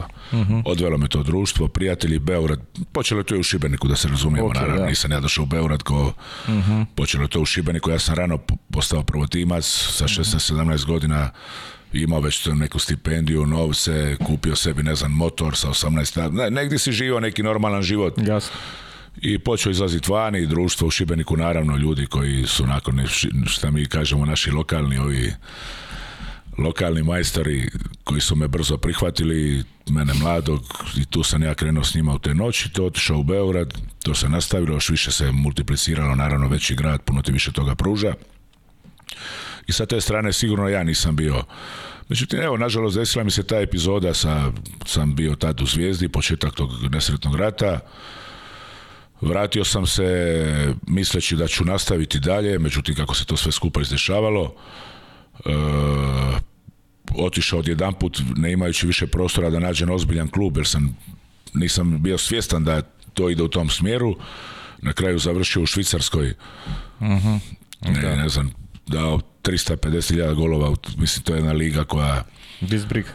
I sad sam tu negdje nestao, mhm. iz radara. Međutim, onda sam se brzo vratio u Šibenik igrao sa mojim pokojnim vrbom, prijateljem, bratom mojim, uh, ozbiljan vaterpolo, igrali smo tada polufinale Len Kupa, borili se sa mladosti i, i, i, i Jugom i Jadranom, ozbiljno utakmice, ozbiljne. Sa Bečejom igrali 95. godine četvrtfinale. finale. Mhm. Mislim da je to bila prva utakmica između Hrvatskog i Srpskog kluba u iti jednom sportu. Aha, to Beče i Solaris. Da, mi smo bili domaćini u Kranju, mhm. Nije se moglo onda igrati u Hrvatskoj. A beč je bio domaćin u Segetu. Mhm. Ja mislim prva. Znam da su za Beče onda igrali uh, Anto Vasović, uh, Šapić, Čirić, tako je. Dragan Ivanović na golu. -huh. Mhm. Ne mogu se sad sjetiti, ali to su imena bila nekakva, bila sjajna. Bat Orlić je bio trener,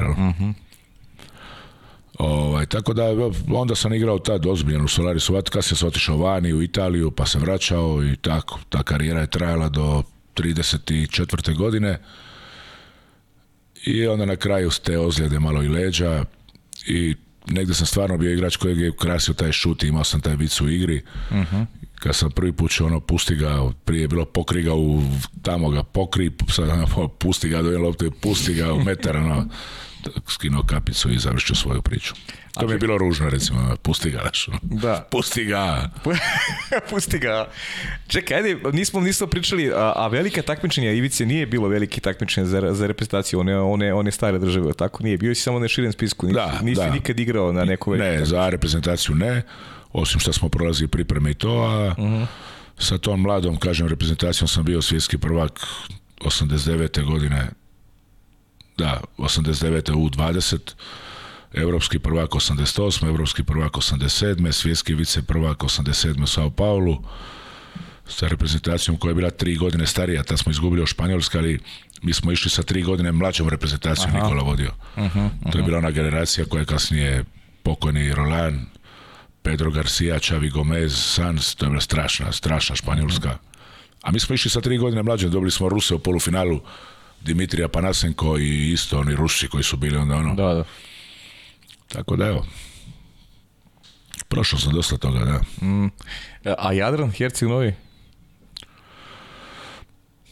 Pa Jadran Herceg Novi mi je jedna divna epizoda, mislim da je to klub koji me na koncu i lansirao ka reprezentaciji, to nema nikakve dileme, da sam ostao u svom Solarisu, mislim da bi taj put bio teži, jel? Mhm. E, period života, pa ja negdje se možda šta, znaš, uvijek sjećam samo lijepih stvari. Ne živim u prošlosti, nisam čovjek koji živim prošlost. I malo se toga i sjećam, možda zato što mi je život i predinamičan, pa otku zvan više ono, kad se znaš, kad smo, ne, ne mogu se ne mogu se ni sititi ovaj. Ali Herceg Novi zasigurno je bio jedna predivna epizoda u mom životu, divni ljudi, divna uprava na čelu sa predsjednikom Đurom Marićem koji mi je dao jedno veliko povjerenje i danas smo ostali kao dva brata u jednom puno ga volim i puno mu dugujem u životu ovaj, došao sam na pola te godine ja sam došao u ekipu koja je bila praktički reprezentacija Crne Gore, jel? koja je doživjela prije toga neuspjeh na svjetskom prvenstvu u, u Rimu 2009.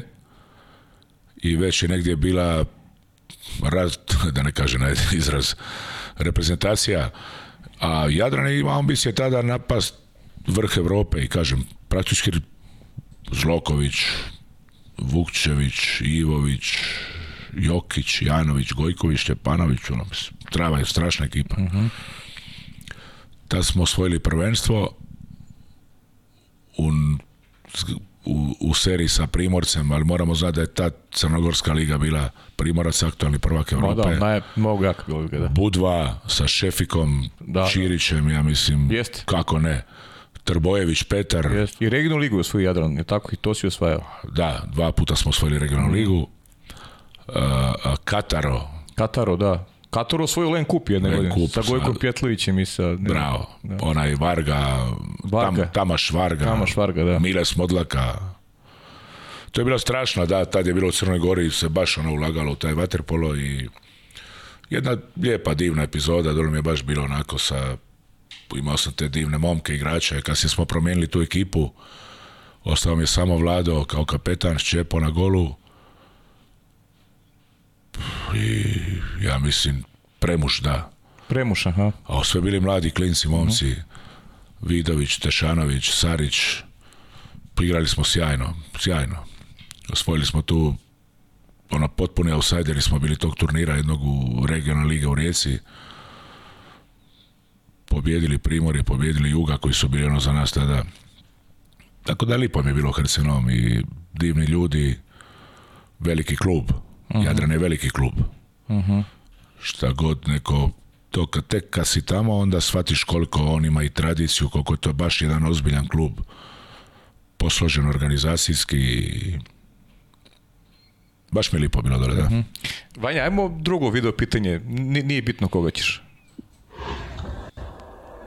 Evo prije nego počnemo da kažem sretna nova godina za obojicu i prije svega za vaše familije puno zdravlja, a ovo drugo ćemo sami, sami da se potrebimo, bude kako treba. Evo Zivicu, da se prisjetimo tih e, dana kada je bio meni trener u Herceg-Novom jednog lijepog vremena i koje je bilo dosta, dosta uspješno, pa vjerujem da će se sjetiti ove situacije. On je inače došao te sezone na polovini sezone i dosta brzo nas je, da kažem, posložio i izašli smo iz neke krize rezultata. I došla je ta utakmica posljednje kola grupne faze Lige šampiona koja je odlučivala o prvom mjestu u grupi. Pa eto neka ispriča tu situaciju, taj dan je došao Barceloneta, odnosno dan prije u Herceg, u Herceg Novi i dva igrača su valjda bila, imala nekih zdravstvenih problema, mislim stomačni virus i bile su najave da vjerojatno neće igrati što bi nama lokšao situaciju pa da on ispriča kako je naš doktor reagovao i nastavak te, da kažem, situacije cijelog tog dana i njihovog razgovora posle utakmice. Veliki pozdrav još jednom. Hvala puno Vladi. Nasmio je Vlado, da. Ovaj, a viš, malo prije smo pričali o njemu Herceg Novom, sad ne znam da li si ovo ti, ovaj, nevjerojatno, da. A to je, ne, ne, to je strašno bilo, da. Igramo neku odlučujuću utakmicu sa Barcelonetom u, u, u Novom i ovaj mislim da je bio onaj Australac, kako li se zvao, Valan, Tamaš Valan ili njih dvojica, ono, bitni igrači, ali imaju, nešto su se otrovali. Uh I ovaj doktor, moj ludi doktor Laki, on mu kaže, ja ih moram, šta ćeš spasiti? Ja kaže, koga? Pa kaže, pa to mi je dužnost, ja kažem, čekaj, ti lud, šta ti je dužnost? Mjesto da ih otruješ još, ti ih spašavaš, ja kažem, spašava ih nakon utakmice, si lud, šta ti je? To je cijeli dan s njim bio rad da on ih mora spasiti, da oni igraju, da, on, da je to njegova hipokratova. Pa čekaj čovjek, čekaj da završi utakmica pa ćeš ispašavati, daj im sad da umru prije utakmice. Plakanje je bilo, da, da, da. Sjajno. no, no, ono, čovjek doktor, ono, gleda me. Šta da pomogne. Majko moja, mila Isus, ono je čudo neviđeno. I ja, jesi igrali na kraju? Pa igrali na kraju, ja mislim, da su nas dobili, pa sam posle utakmice ti ja njega, pa to je užas, bio, da, da. Sve, šta si mi napravio, kreten ti, tvoja. ti ja mislim čak da su, da su nas njih dvojica ubili. Aha. Sam ne znam da li je bio Perone ili, ne mogu se sjetiti, Vlado zna, ali nevjerovatno. Sposobio on njih majstor infuzije, ovo da igraju. Pekin pa čeka završi utakmice. pa pre utakmice još im daje nešto da sam. ono, da idu na WC ljudi, da da ne mogu te razumiješ, pa poslije utakmice se spašavat ćemo, neće ni umriti. Čudo.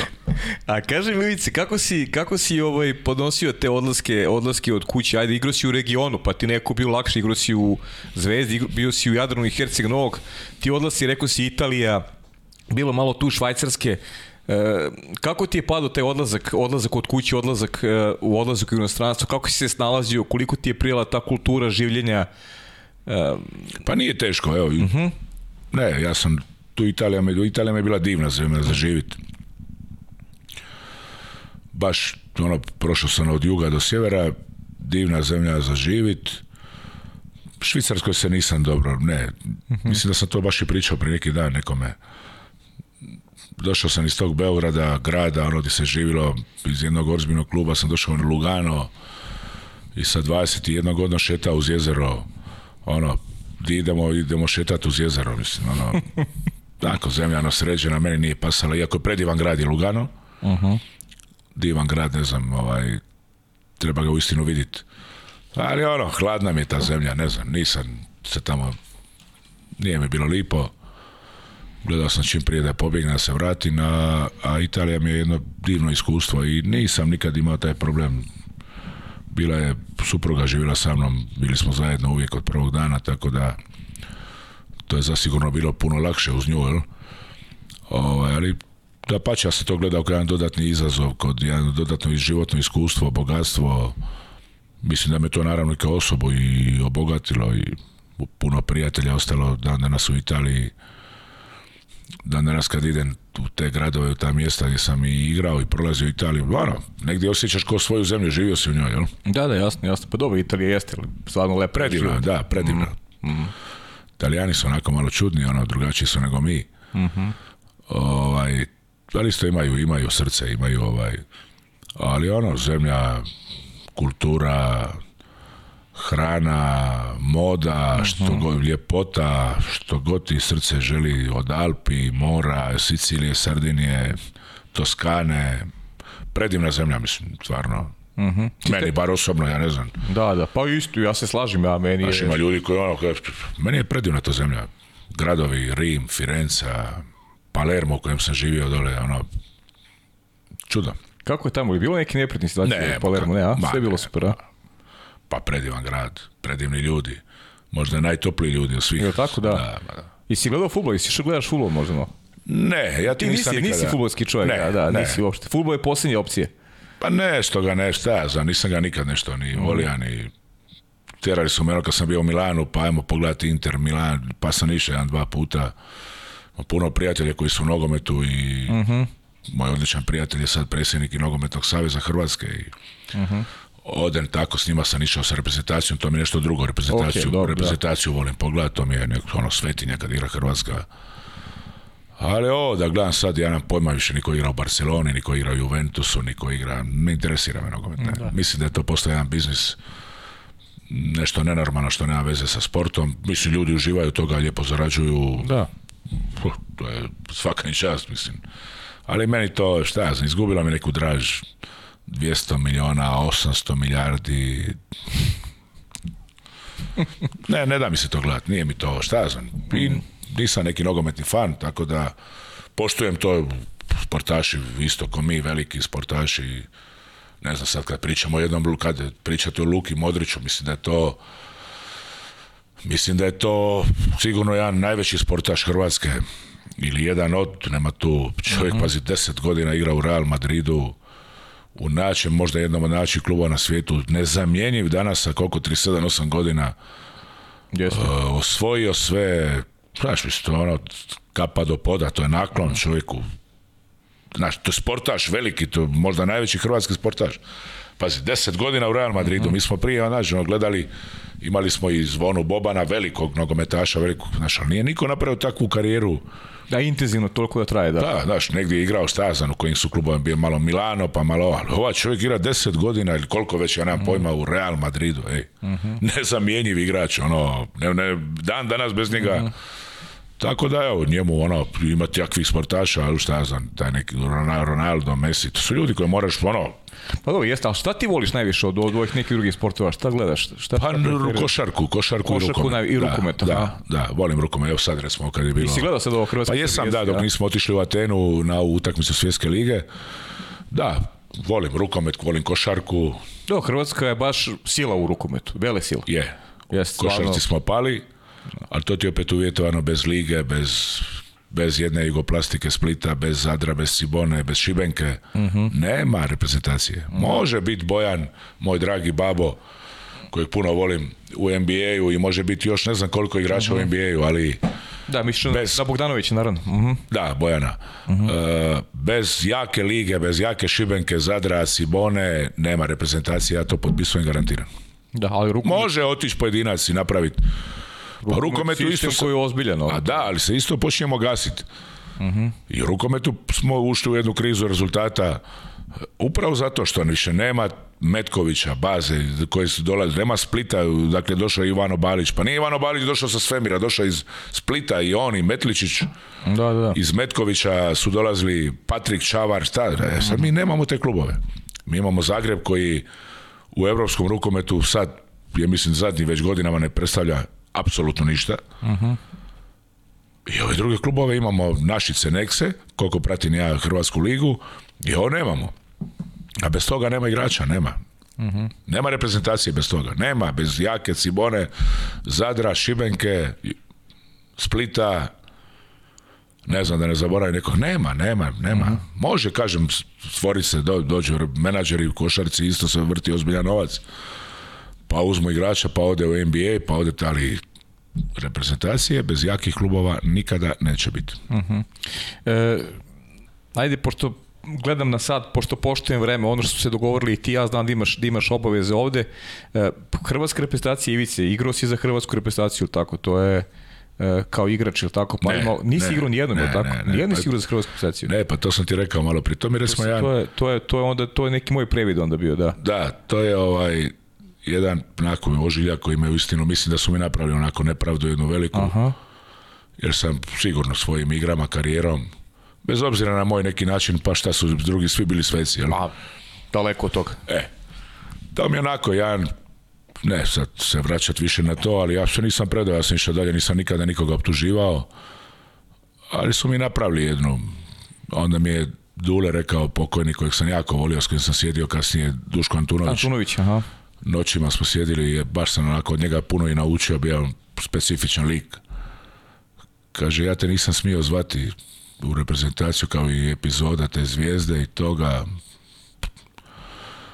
To mi je bila onako jedna baš, neću reći rana, ali silno sam to želio u tom trenutku kad sam shvatio da su me onako makli sa strane.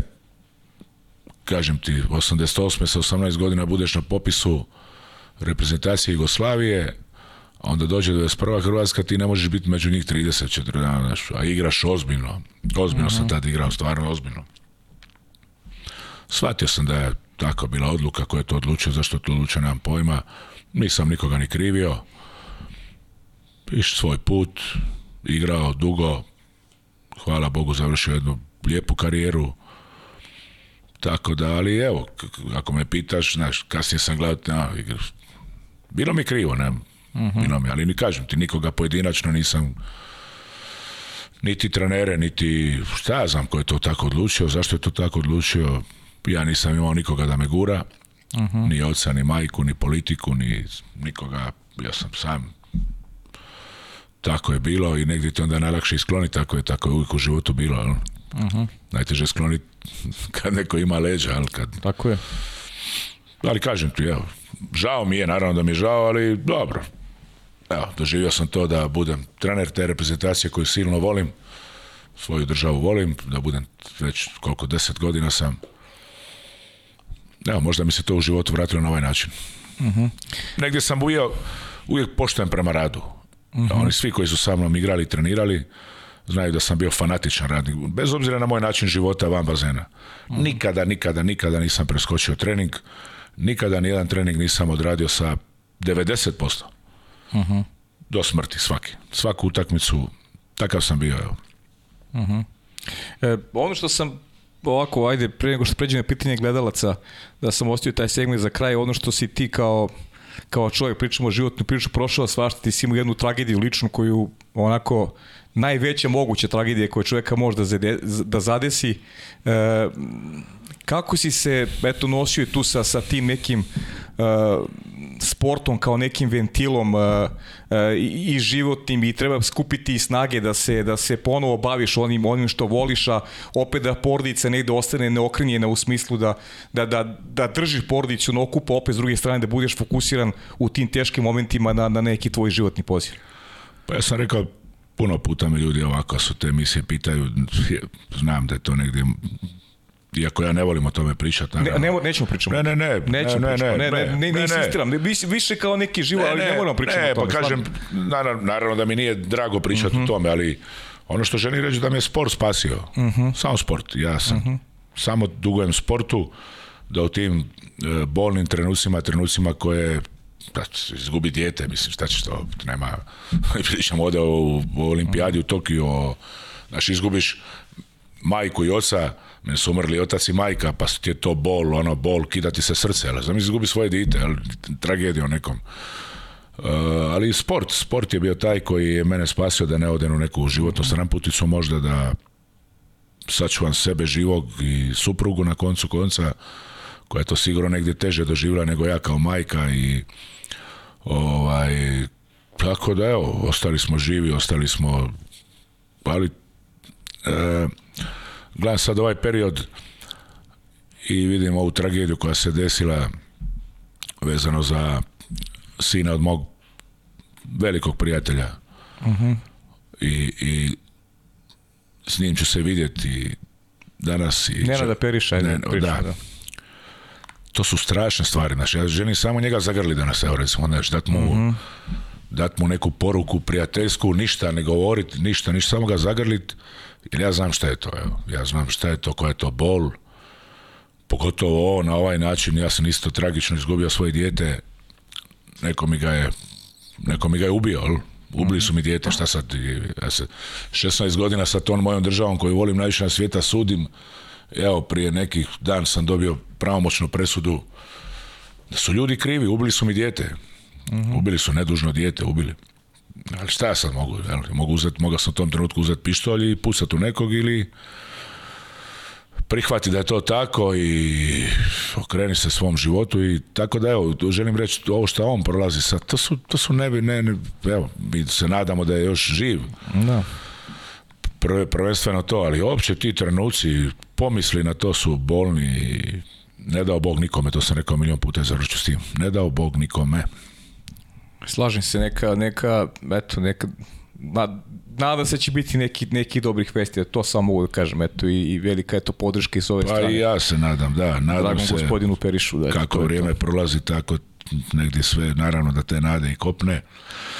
Evo kažem ti želim nakon ovog ću ga vidjeti i želim ga mhm. samo zagrliti, ništa ne govoriti, jer evo dat mu poruku da sam uz njega. Ajde, ajde ovaj da, da e, Vanja, pusti još tu posljednje pitanje koje imamo, pa da pređemo malo na pitanje samo gledalaca i da, i da ovaj, završimo emisiju.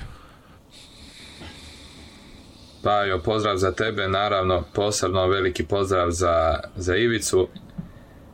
E, jedno lagano pitanje za njega bilo bi po čemu, po čemu najviše pamti period proveden u Herceg Novom, a ne vezano za Vatopolo o čemu vjerujem da ćete razgovarati. Pozdrav, čao.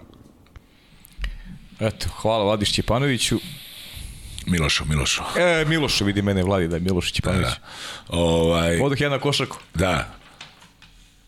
Po čemu pa po susretljivosti ljudi i toplini s kojom su me uistinu primili dole u, u Herceg mhm. Znam kad sam dolazio da nije bilo puno simpatija, e, čak je bilo negdje dio svih trenera, nađemo Hrvata kao ovaj, negdje je bilo na početku, međutim vrlo, vrlo, vrlo brzo sam doživio taj grad i ljude u njemu kao da sam rođen u njemu, evo, mhm. ta susretljivost tih ljudi, divno sam se osjećao, rekao sam to malo prije, puno prijatelja van Vaterpola, e, dan danas evo, E, bi bio dole i na slavi kod mog prijatelja nema godine da ne odem na njegovu obiteljsku slavu e, nisam nažalost sad u prilici ali evo čuli smo se telefonom čestitao naravno i tako da susretljivost ljudi jedan topal grad jedan divan grad teška sredina isto kao što je moj Šibenik Aha. te male sredine su vrlo ajde da kažete vrlo zajebane sredine Aha Znaš, tamo u Šibeniku ti niko ne valja. Znaš, takav je negdje i Herceg-Novi mentalitet. Tako slično, da, da, ba, da, to su te i, znaš, niko tamo, u Šibeniku niko, niko. Pokojni Dražen, o, ma te Goran Višić čovjek u Hollywood, o, ma, Arsen Dedić, ne znam koliko je Šibenik dao tih ljudi, ma, ja, ja, on, te, ja, to je redikul, to je, ne, da, e, to, to je Šibenik i, i kad nešto napraviš u Šibeniku, ako te, ako te tamo prihvate, a onda znaš da si da si nešto značajno napravio u životu, ali teško će to kod doživjeti. na tebi su često onako zluradi su znali da te ovako dovode u kontekst sa, sa Pericom Bukićem koji je također i seduje tu na toj tvojoj poziciji. Bilo je veliko zadovoljstvo ugostiti Pericu, ali Pričao si ti sam da ti u suštini Pericu nisi ni poznavao do nekog momenta kada... Jesmo mi, kako ne, mi smo igrali zajedno. Da, ali niste bili, niste se družili. Ne, ne, ne. A danas mogu reći da je to jedan divan čovjek mhm. i naša epizoda u reprezentaciji će jednog dana završiti, naravno. Moja, odnosno, ja se nadam da će on ostati dugo, još dugo u, u Vaterpolo savezu, jer bez njega Vaterpolo savez Hrvatske ne bi ličio na ništa. To mhm. sam rekao milijan puta.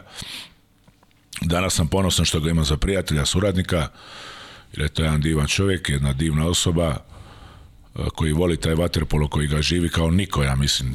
Znači ja ga negdje živim, ozbiljno ga živim, ozbiljno ga promišljam, budim se s njim, spavam s njim, ali šta ga živi on, mislim da ga ne živi niko.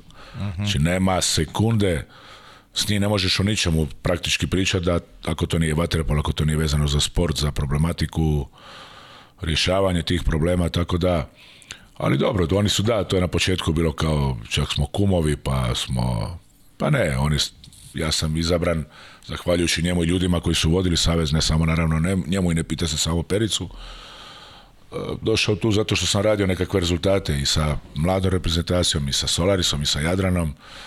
I zato što su ti ljudi vjerovali u mene, a danas sam ponosan na to što sam u njemu dobio jednog prijatelja.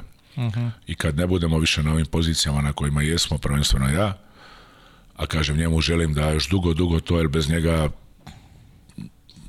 bi taj savez ne znam na šta bi ličio, iskreno. Uh mhm. -huh. e, vidio si jednu vrlo interesantnu izjavu koju si dao i to je nešto sam prvi put e, mnogo dugo i radim i ovu emisiju i sa mnogo, sa mnogo ljudi sam pričao, ali i, moram priznati da mi se ta nekde obs, observacija tvoja i pa neću reći dopala, nego prosto vidim da to zaista treba da bude neka budućnost. E, pričamo o vaterpolu u zapadnoj Evropi da bi, da bi to uticalo i tekako na popularizaciju sporta i da, i da bi Vatepolo nekako e, lakše preživljavao e, e, momente u kojima, se, u kojima se često nalazi. Pa ljudi moji, ajmo biti iskreni, ja to uvijek govorim, znaš, mi pričamo o problematici Vaterpola, pa onda da li igrač više treba trajati 30 ili 25 ili 20, da li treba napad, da li je četvrtina 4 puta 8 ili 4 puta 6 ili 4 puta 10. I takvih milion tih gluposti koje nemaju veze s ničim. Znači, pravila su bita samo nama sudionicima igre. Uh Pravila naravno moraju postojati nama, sucima, trenerima, igračima. Ali to ne prodaje proizvod. Znači problem, vater poleto govorim 10-20 godina i trubim isto, onda dođe sa tim indijancima koji ti dođu pa ti onda on priča opet i ja mu kaže ne, nije problem vaterpola igrač više, igrač manje. Vaterpolo je predivan sport i ja znam ne, ne, nestvaran broj ljudi koji su došli prvi pogledali vaterpolo i oduševili se i problem vaterpola su prvenstveno bazeni. Znači to, je, mhm. to je broj jedan. Ti kad imaš bazen koji prima 500 ljudi, 600 ljudi, ti si završio svoju priču. Znači tu se ne može raditi ozbiljna priča, tu se ne može vrtiti ozbiljan novac, tu se ljudi ne osjećaju dobro. Gdje je rukomet napravio iskorak u odnosu na vaterpologradnjom velikih arena, rukometnih mhm. arena. I samim tim, kad si ponudio da imaš 15-20 tisuća ljudi, dođe 12, 13, 14 ljudi, mogu pojesti sandvič, mogu popiti pivu, Coca-Colu, ti dolaziš na bazen koji može primiti 300 ljudi, gdje je temperatura 35 stupnjeva, vlaga, ne osjećaš se dobro. Znači, broj jedan, mi nemamo borilišta, nemamo infrastrukturu koja bi bila neophodna za veliki sport i broj dva su problemi tih zapadne Europe, pa čak i problemi, ajmo i nazvati, velikih klubova. Znači, mi nemamo, sad zamisli podatak, prvak Europe u Waterpolu rekao 10.000 stanovnika. Prvak Evrope u Waterpolu Bečej koliko ima? Pa toliko. 11.000 pa, ili 9, šta ja znam.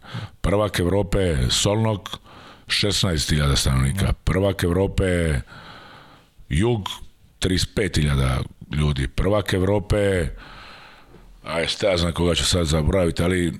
Da, sad, da. da pa evo, to je naša realnost. Aj, ali mi trebamo Bayern Mihen, mi mhm. trebamo kao u košarci, mi trebamo Paris Saint-Germain kao rukomet, mi mhm. trebamo Fenerbahče, mi trebamo Galatasaray mi trebamo Panathinaikos.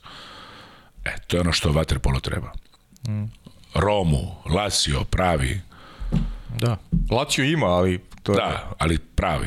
E, to je ono što treba vaterpolu, da se ta zapadna Europa digne, da postoje veliki klubovi.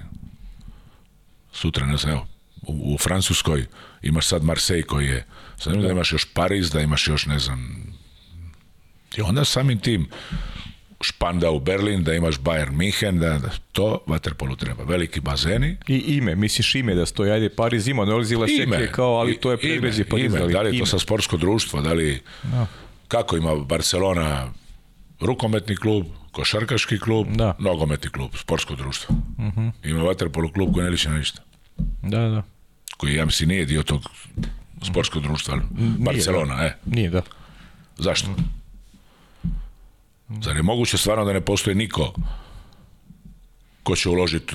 Ja mislim da ima ljudi, samo je pitanje koliko su animirani i pitanje ovoga sada tih bazena i mogućnosti prodaje tog proizvoda pre 300 ljudi ili 150 ljudi ili bazena koji nemaju opće E, to su problemi. A mhm. igrač manje više, to je su gluposti. Sekundarna stvar, Sekundarna stvar ajde da te ne zdržamo, da pa par pitanja gledalaca i e, obećaj mi da ćeš doći još koji put pa da ćemo da pričamo i, drugim stvarima. Naravno. Hvala ti puno. E, veliki post Crne Gore Mihajlo te pozdravlja. Kaže kako treneri nabavljaju video materijale sa prethodnih takmičenja? Da li postoji neki video servis na kojem ljubitelji vaterpola mogu da gledaju serije utakmice, starije utakmice ili je to nešto se interno razmenjuje? Pa mi to mijenjamo između sebe, da, više na taj način. Mi imamo čovjeka koji u našem stožeru, koji je zadužen za za ovaj, video analize, za pribavljanje tih utakmica, znači kako završi utakmica, on pošalje sad ovu za tene utakmicu, mi šalje na mail. Ovaj, tako da, pa ne znam di se one u principu, ono, di se mogu, da li postoji nekakav. Mi u Savezu imamo dosta tih koji su pohranjeni sada na i hard disk i prije prijašnji materijali, jel? uh Na onim DVD-ima, sve to negdje u Savezu. Što mhm. se tiče nas, ali sad recimo da ja hoću neku utakmicu iz Srbije, Srbija, Grčka iz 2013. Ima, znaš, nazoveš, razmenimo to, tako da. da. da. Mhm. E, Sandi inače više pesivac e, Slovenije, ne znam da li, ga se, da li se sjeća Sandi, on redom učestvuje u, kreiranju emisija, kaže najboljih prvih sedam u tvojoj igračkoj karijeri i najboljih prvih sedam sada. Ako možeš to sad, mada je malo zahteva vreme, verovatno. Da. Si razmišljao o tome? U igračkoj karijeri prvih sedam teško mi se uopće... Da, ok, ajde da, da te Teško mi se, da neka izvije teško, da, trebalo bi mi vremena, znaš, onda bi možda tu nekoga i zaboravio, pa... Da. Ovaj, sada, najboljih sedam u ovom trenutku, a šta ja znam, definitivno Filipović, ne znam, Mandić, njih dva su mi ono nevjerovatan tandem. Mhm. Pa bi ja stavio tu i moga i oko, a bit će puno tri levaka. bit će puno tri levaka, da. Uh, je strašan igrač. Aha.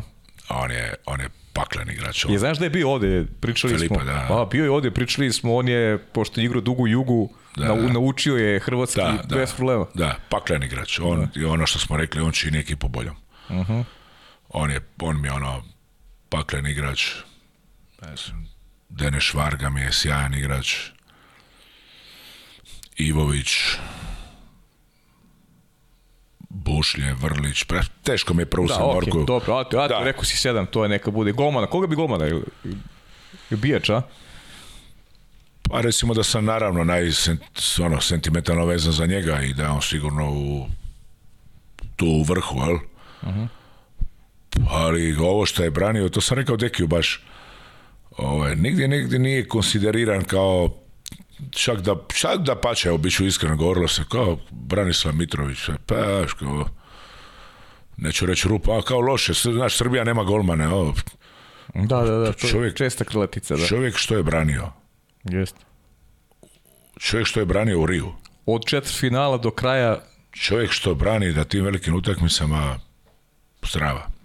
Jest. Strava. Sjeti se Rija. Da, i Rio i Rio i Tokio. Pa i u Tokiju četiri finala. Sjeti se Tokija, sjeti se, ne znam, Barcelona, Europskog prvenstvo. Pa Čovjek brani stani. Jeste, jeste. pa, dobro, Marka, za njega sam Marko je top golman, za njega sam i vezan, tako da... Mhm. Ajmo reći da bi mi on bio moj izbor. Mhm. E, pazi ovo sad, kaže, igrač koji radi i trener najviše u reprezentaciji. Ako uopšte hoćete to da kaže. Igrač koji? E, najviše radi i trenira u reprezentaciji. Mislim da isto svi treniruju, ali ima neko, vjerojatno neko, misli Sandi na neki radni moment, neku radnu etiku. Vjerojatno. Da. Pa šta, zar smo Joke spada u taj vrh. Joke je uh ona profesionalac. Baš ona profesionalac. E, Luka Lončar je profesionalac ne, -huh. Mhm, nevjerovatan. Mhm. Ali svi oni rade, momci. Ima njih koji izbjegavaju malo, ono... Da, da. Ali baš su ono dobri, dobri profesionalci, dobri dečki. Recimo šta ja znam, Lonas je baš bio, ono, on mi je bio fascinantan lončar. Lončar, aha. E, Joke. Oni su mi recimo negdje vrh. Mhm. A kaži... Čavi. Ča, Čavi Garcia. Hm? Strašno. Kako je on trenirao, strašno. Mhm. Sa 389 godina čudo. A kaže, igrač ima najveće rezerve da postane, da postane veliki igrač, a možda nije trenutno na radaru. Pa ja mislim da igrač koji ima strašne rezerve, koji već sad je na radaru, Aha. ali ima rezerve koje ne znam kako još imamo. Mislim da bi mogao biti paklen igrač je Luka Bukić. Luka Bukić, aha. Strašne rezerve ima u sebi. To je negdje još, da je to u njemu probudi, to jedno divljaštvo, ajde da tako rečem. Mhm.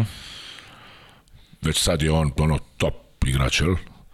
Bez kojeg je reprezentacija nezamisliva u ovom trenutku, ali ja mislim da ima strašno puno rezervi još da napravi. Mhm. Kad bi mogao to je neko u sebi divljaštvo neko probudit, uh samo se bojim da je predobar momak, on je predobar momak, i onda to negdje stoji u njemu predobar, ali?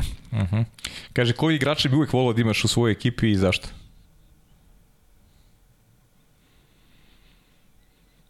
Pa evo, recimo danas Perona. Uh Evo, upravo zato što čini ekipu boljom. Možda je sad već on u godinama kad je na zarasku, ali Perone, ovaj sad što ga se sjećamo, pa nije za čudo da je on isto Španjolska je bila, dok je on bio u Brazilu, ravna ono, Francuskoj, da ne povrijedim, da ja znam, dolaskom njegovim u Španjolsku, vraćanjem njegovim u Španjolsku 2018. srebro, 2019. srebro, 2020. srebro. Eto, mhm. koliko koliko on znači, on mi je onako baš jedan top igrač. Mm -hmm. Obrambeno napadačka, nema šut, ne može se dobaciti ono što mi kažemo do gola, ali te, to ono te namaše, preba, sjajan igrač. Mhm. E, evo pitanje još ima ovaj, i naš Aleksandar Milošević, velike pozdrav tebe, kaže koliko odlazak pet igrača udara za kruzsku prestaciju, da li su oni bili e, iznenadi, da li, da li su oni bili iznenadi, mislim na odlazak koje petorici igrača. I pita za Bušlija da li je odluka eh, Bušlija da se povuče definitivna, pošto se povlačio iz reputacije pre dve godine. Je, definitivno je, nema više tu povratka. Mhm. Zato što ovaj, došlo do kraja, ali je, bilo je prije dvije godine, pa smo ga naravno, ali sad je to već, uh nema to više smisla, završilo je to. Pa čuj, udarac je veliki, naravno, prvi mhm. nije samo pet, otišlo njih, odnosno na Tokio, Eh, Garcia u ovom trenutku Garcia, Obradović i Joković, Miloš, Macan, Lončar, Obradović. Obradović. E, Obradović. E, znači otišlo ih je otišlo ih je sedam. Uh Vratio si Krapića, ne, Krapić nije bio u Tokiju. Nije bio, nije bio u Tokiju, ali si ga vratio. Ostao je, ost, da, vratio sam njega, ostao je tu Vrlić. Uh Mislim da imamo jedan ozbiljan centarski par, imamo malog Paparića Lovru iz Vuljarmenija koji će uh -huh. biti mhm. fenomenalan, to uh tvrdim. Mhm. I lijevo smo, lijevo smo ovaj, isti igrači i, Lolo, Ante i Luka koji su bili u Tokiju. Desno je Zović. Tu se priključuje Mali Lazić, lijevo Desno je da, Zović, čekamo Harkova, e, Bena, Benić, e, Žuvela Mali, tako da Bašić imamo. Da. Biće to dobra reprezentacija, mi ćemo to sigurno složiti da će to biti dobra reprezentacija. Da, i Žuvela koji sjajno igra, stvarno Žuvela će biti Žuvela će biti odličan igrač. Žuvela da i da, da okay, ajde. On, će biti odličan igrač. Da, treba s njim raditi, on treba on prije svega naravno treba sebi staviti u glavu to, ja vjerujem da će on biti odličan igrač. Kad pričamo o ovim je još jedno interesantno pitanje, ovaj, ono što je Dejan Sajic pričao Uh, vaterpolisti Srbije i Hrvatske i košakaš šabestacija Slovenije, kada govorimo o tim nekim ekipnim sportima. Ženska, žensko bojkaška Srbije također. Eto, to je od ekipnih sportova, a nekako na ovim prostorima najviše se dičimo u, u, u generalno tim uh, kolektivnim, sportom, Da. da, otišlo je to, da, otišlo je to. A propo one tvoje priče malo pređeš. Otišlo je to, on izbrdao puno. Sam misli da, da rukometna reprezentacija Hrvatske ne ode na olimpijske igre, ali Mhm. Mi smo isto visili, znaš, onda kažem mi smo visili, to mi je onako isto, to mi je tako nekako ono, mi zna smeta, recimo, znaš, mi smo visili, jedva smo prošli, pa na, da, jedva smo prošli, visili, ali smo prošli. Pa i Hrvatska je u nogometu u, u, Rusiji isto visila, tako, jedva je prošla na pa, penale. je, da. Kad kažemo jedva, ali tako, prošla je i Rusija i ja mislim još dan, Dansku Rusiju. ali to je pokazuje koliko je teško... Ne, ne, na penale, jel? Na penale. A to je onda božanstveno, a kad mi prođemo, a onda jedva, mm. me razumite, znaš, mm. šta kao Danska i Rusija u nogometu su, šta, Engleska, šta, mislim ne znam, ne znam. ovdje jedva, a, kao ovdje, koliko ti bilo... Umoran, umoran sam ti gluposti. Verujem da si umoran, ali zaborio sam to. Koliko, kako si osjećao tada? Ono, mislim, kad smo prošli to. Kad si jedva prošli. Kad si jedva prošli. Loše, mislio sam da me srce otreslo, da. A, ili jesi, a? Da. Otišao sam s vačerom, nije mi bilo dobro. Nisam ni gledao zadnja dva penala. Pa to ste da ti pitamo, nisi... Ne, ne, da, užasno me bolilo u prsima. Ja sam mislio da je da me puklo srce, da. Zvao sam Zeta, on je kardiolog. Uh On je internista, kardiolog, zvao sam ga odmah poslije utakmice, jer sam valjda i u tom stresu još zapalio tu cigaretu, dvi i nije mi bilo dobro. Bol, bol, bol, vrtilo mi se, samo se smiri, pa sam popio one normabele. Negdje sam se malo opustio, ali nije mi bilo dobro, da. -hmm. Teško, a to je, znači, nije to, nije to lako. No? Kaže, aj, dva interesantna kaže, možda otkriješ šta znači kada sa Dejanom Savićem razgovara o pidžami i ko ne nosi pidžamu? Šala neka, a? Ne, to je nema, nema pidžame, no? Nema pidžame, a? Kaže, može li da objasni kakva... Ne, treba, ne treba pidžama. Ne treba pidžama. Kak, može li da objasni kakva je to taktika dupla pa jedan? Kako? Dupla pa jedan da objasni kakva je to taktika dupla pa jedan. Pa ne znam. To je neko da, da, to, loše čuo, Ne, ne, ne, nema ne, ali može biti da nije. To je ovaj, Joke zvao, to, to treba Joku pitati. Joku da pitam, a? Joke bi ja infiša to jedno vrijeme. Smo se, ja sičan, ja i Sandro smo se onako smijali, vate, duplo, jedan, ne, duplo, da, da, da. To će Joke najbolje odgovoriti. Do njega će pitamo. Kaže, šta? Nije dio moje taktike. Dobro. Šta za njega preslije nagrada za free play i zdravo rivalstvo koji, do, koji uz Dejana Stavić dobio na Staru u Sarajevu, da. Pa predstavlja mi, predstavlja mi da ljudi prepoznavaju evo, da smo sportaši, da smo dobri ljudi, da normalni ljudi, ne sad nekom dobri, nekom ne, ali normalni ljudi, da smo normalni sportaši, evo, predstavlja mi, znači mi to. Uh mhm, -huh, mhm. Ja, Ivici, imam još milion pitanja, neću više te davim. E, znam gdje ideš i to je sada najvažnija bitka koju ovako svi zajedno treba da vodimo, a moram za kraj samo da ti pitam jednu stvar, u stvari dve stvari. Da li si zadovoljan u kom pravcu ide, ide vaterpolo? Kako ti ova nova pravila, kako su tebi legla kao treneru? I za kraj samo da, eto, malo o porodici, mi volimo za kraj da ostavimo porodicu, nešto što je najlepše, nešto što je blago, pa eto da istakneš malo i, i svoju porodicu za kraj, nešto što je tvoje najveće uporište. Da, ovaj, što se tiče Waterpola, ja mislim da su dobra pravila, mislim da je to mhm. ubrzalo igru ubrzalo igru i da je to ovaj, dalo e, e, dodatnu jednu neizv... ajde utakmicama neku znači danas imaš kao nikad od su nova pravila da možeš voditi pet razlike i da ćeš izgubiti utakmicu to mhm. prije je bilo nezamislivo ako vodiš pet razlike to je u vaterpolu bila završena priča danas je to ništa mhm. danas je 7-2 ništa uopće nikakva garancija da ćeš dobiti utakmicu mislim da je to super generalno vaterpol kom smjeru ide mi se ne sviđa o sve što radi Lena Fina to je katastrofa, to su ljudi koji ne prepoznavaju uopće u kojem smjeru bi to trebalo ići ali shvaćam da i ne trebaju prepoznavati jer njima predobro njima je, njima je, njima je predobro znači ja to znam njima je predobro, oni lijepo žive od toga tako da i ne trebaju mijenjati zašto bi mijenjali, znači on kaže nemoj nemoj dirati ovaj nemoj talasat vodu koja je tako da to je što se tiče vas. Što se tiče e, familije, obitelji, ta, mislim, ja nešto ne volim pričati o tome, ali mogu reći da e,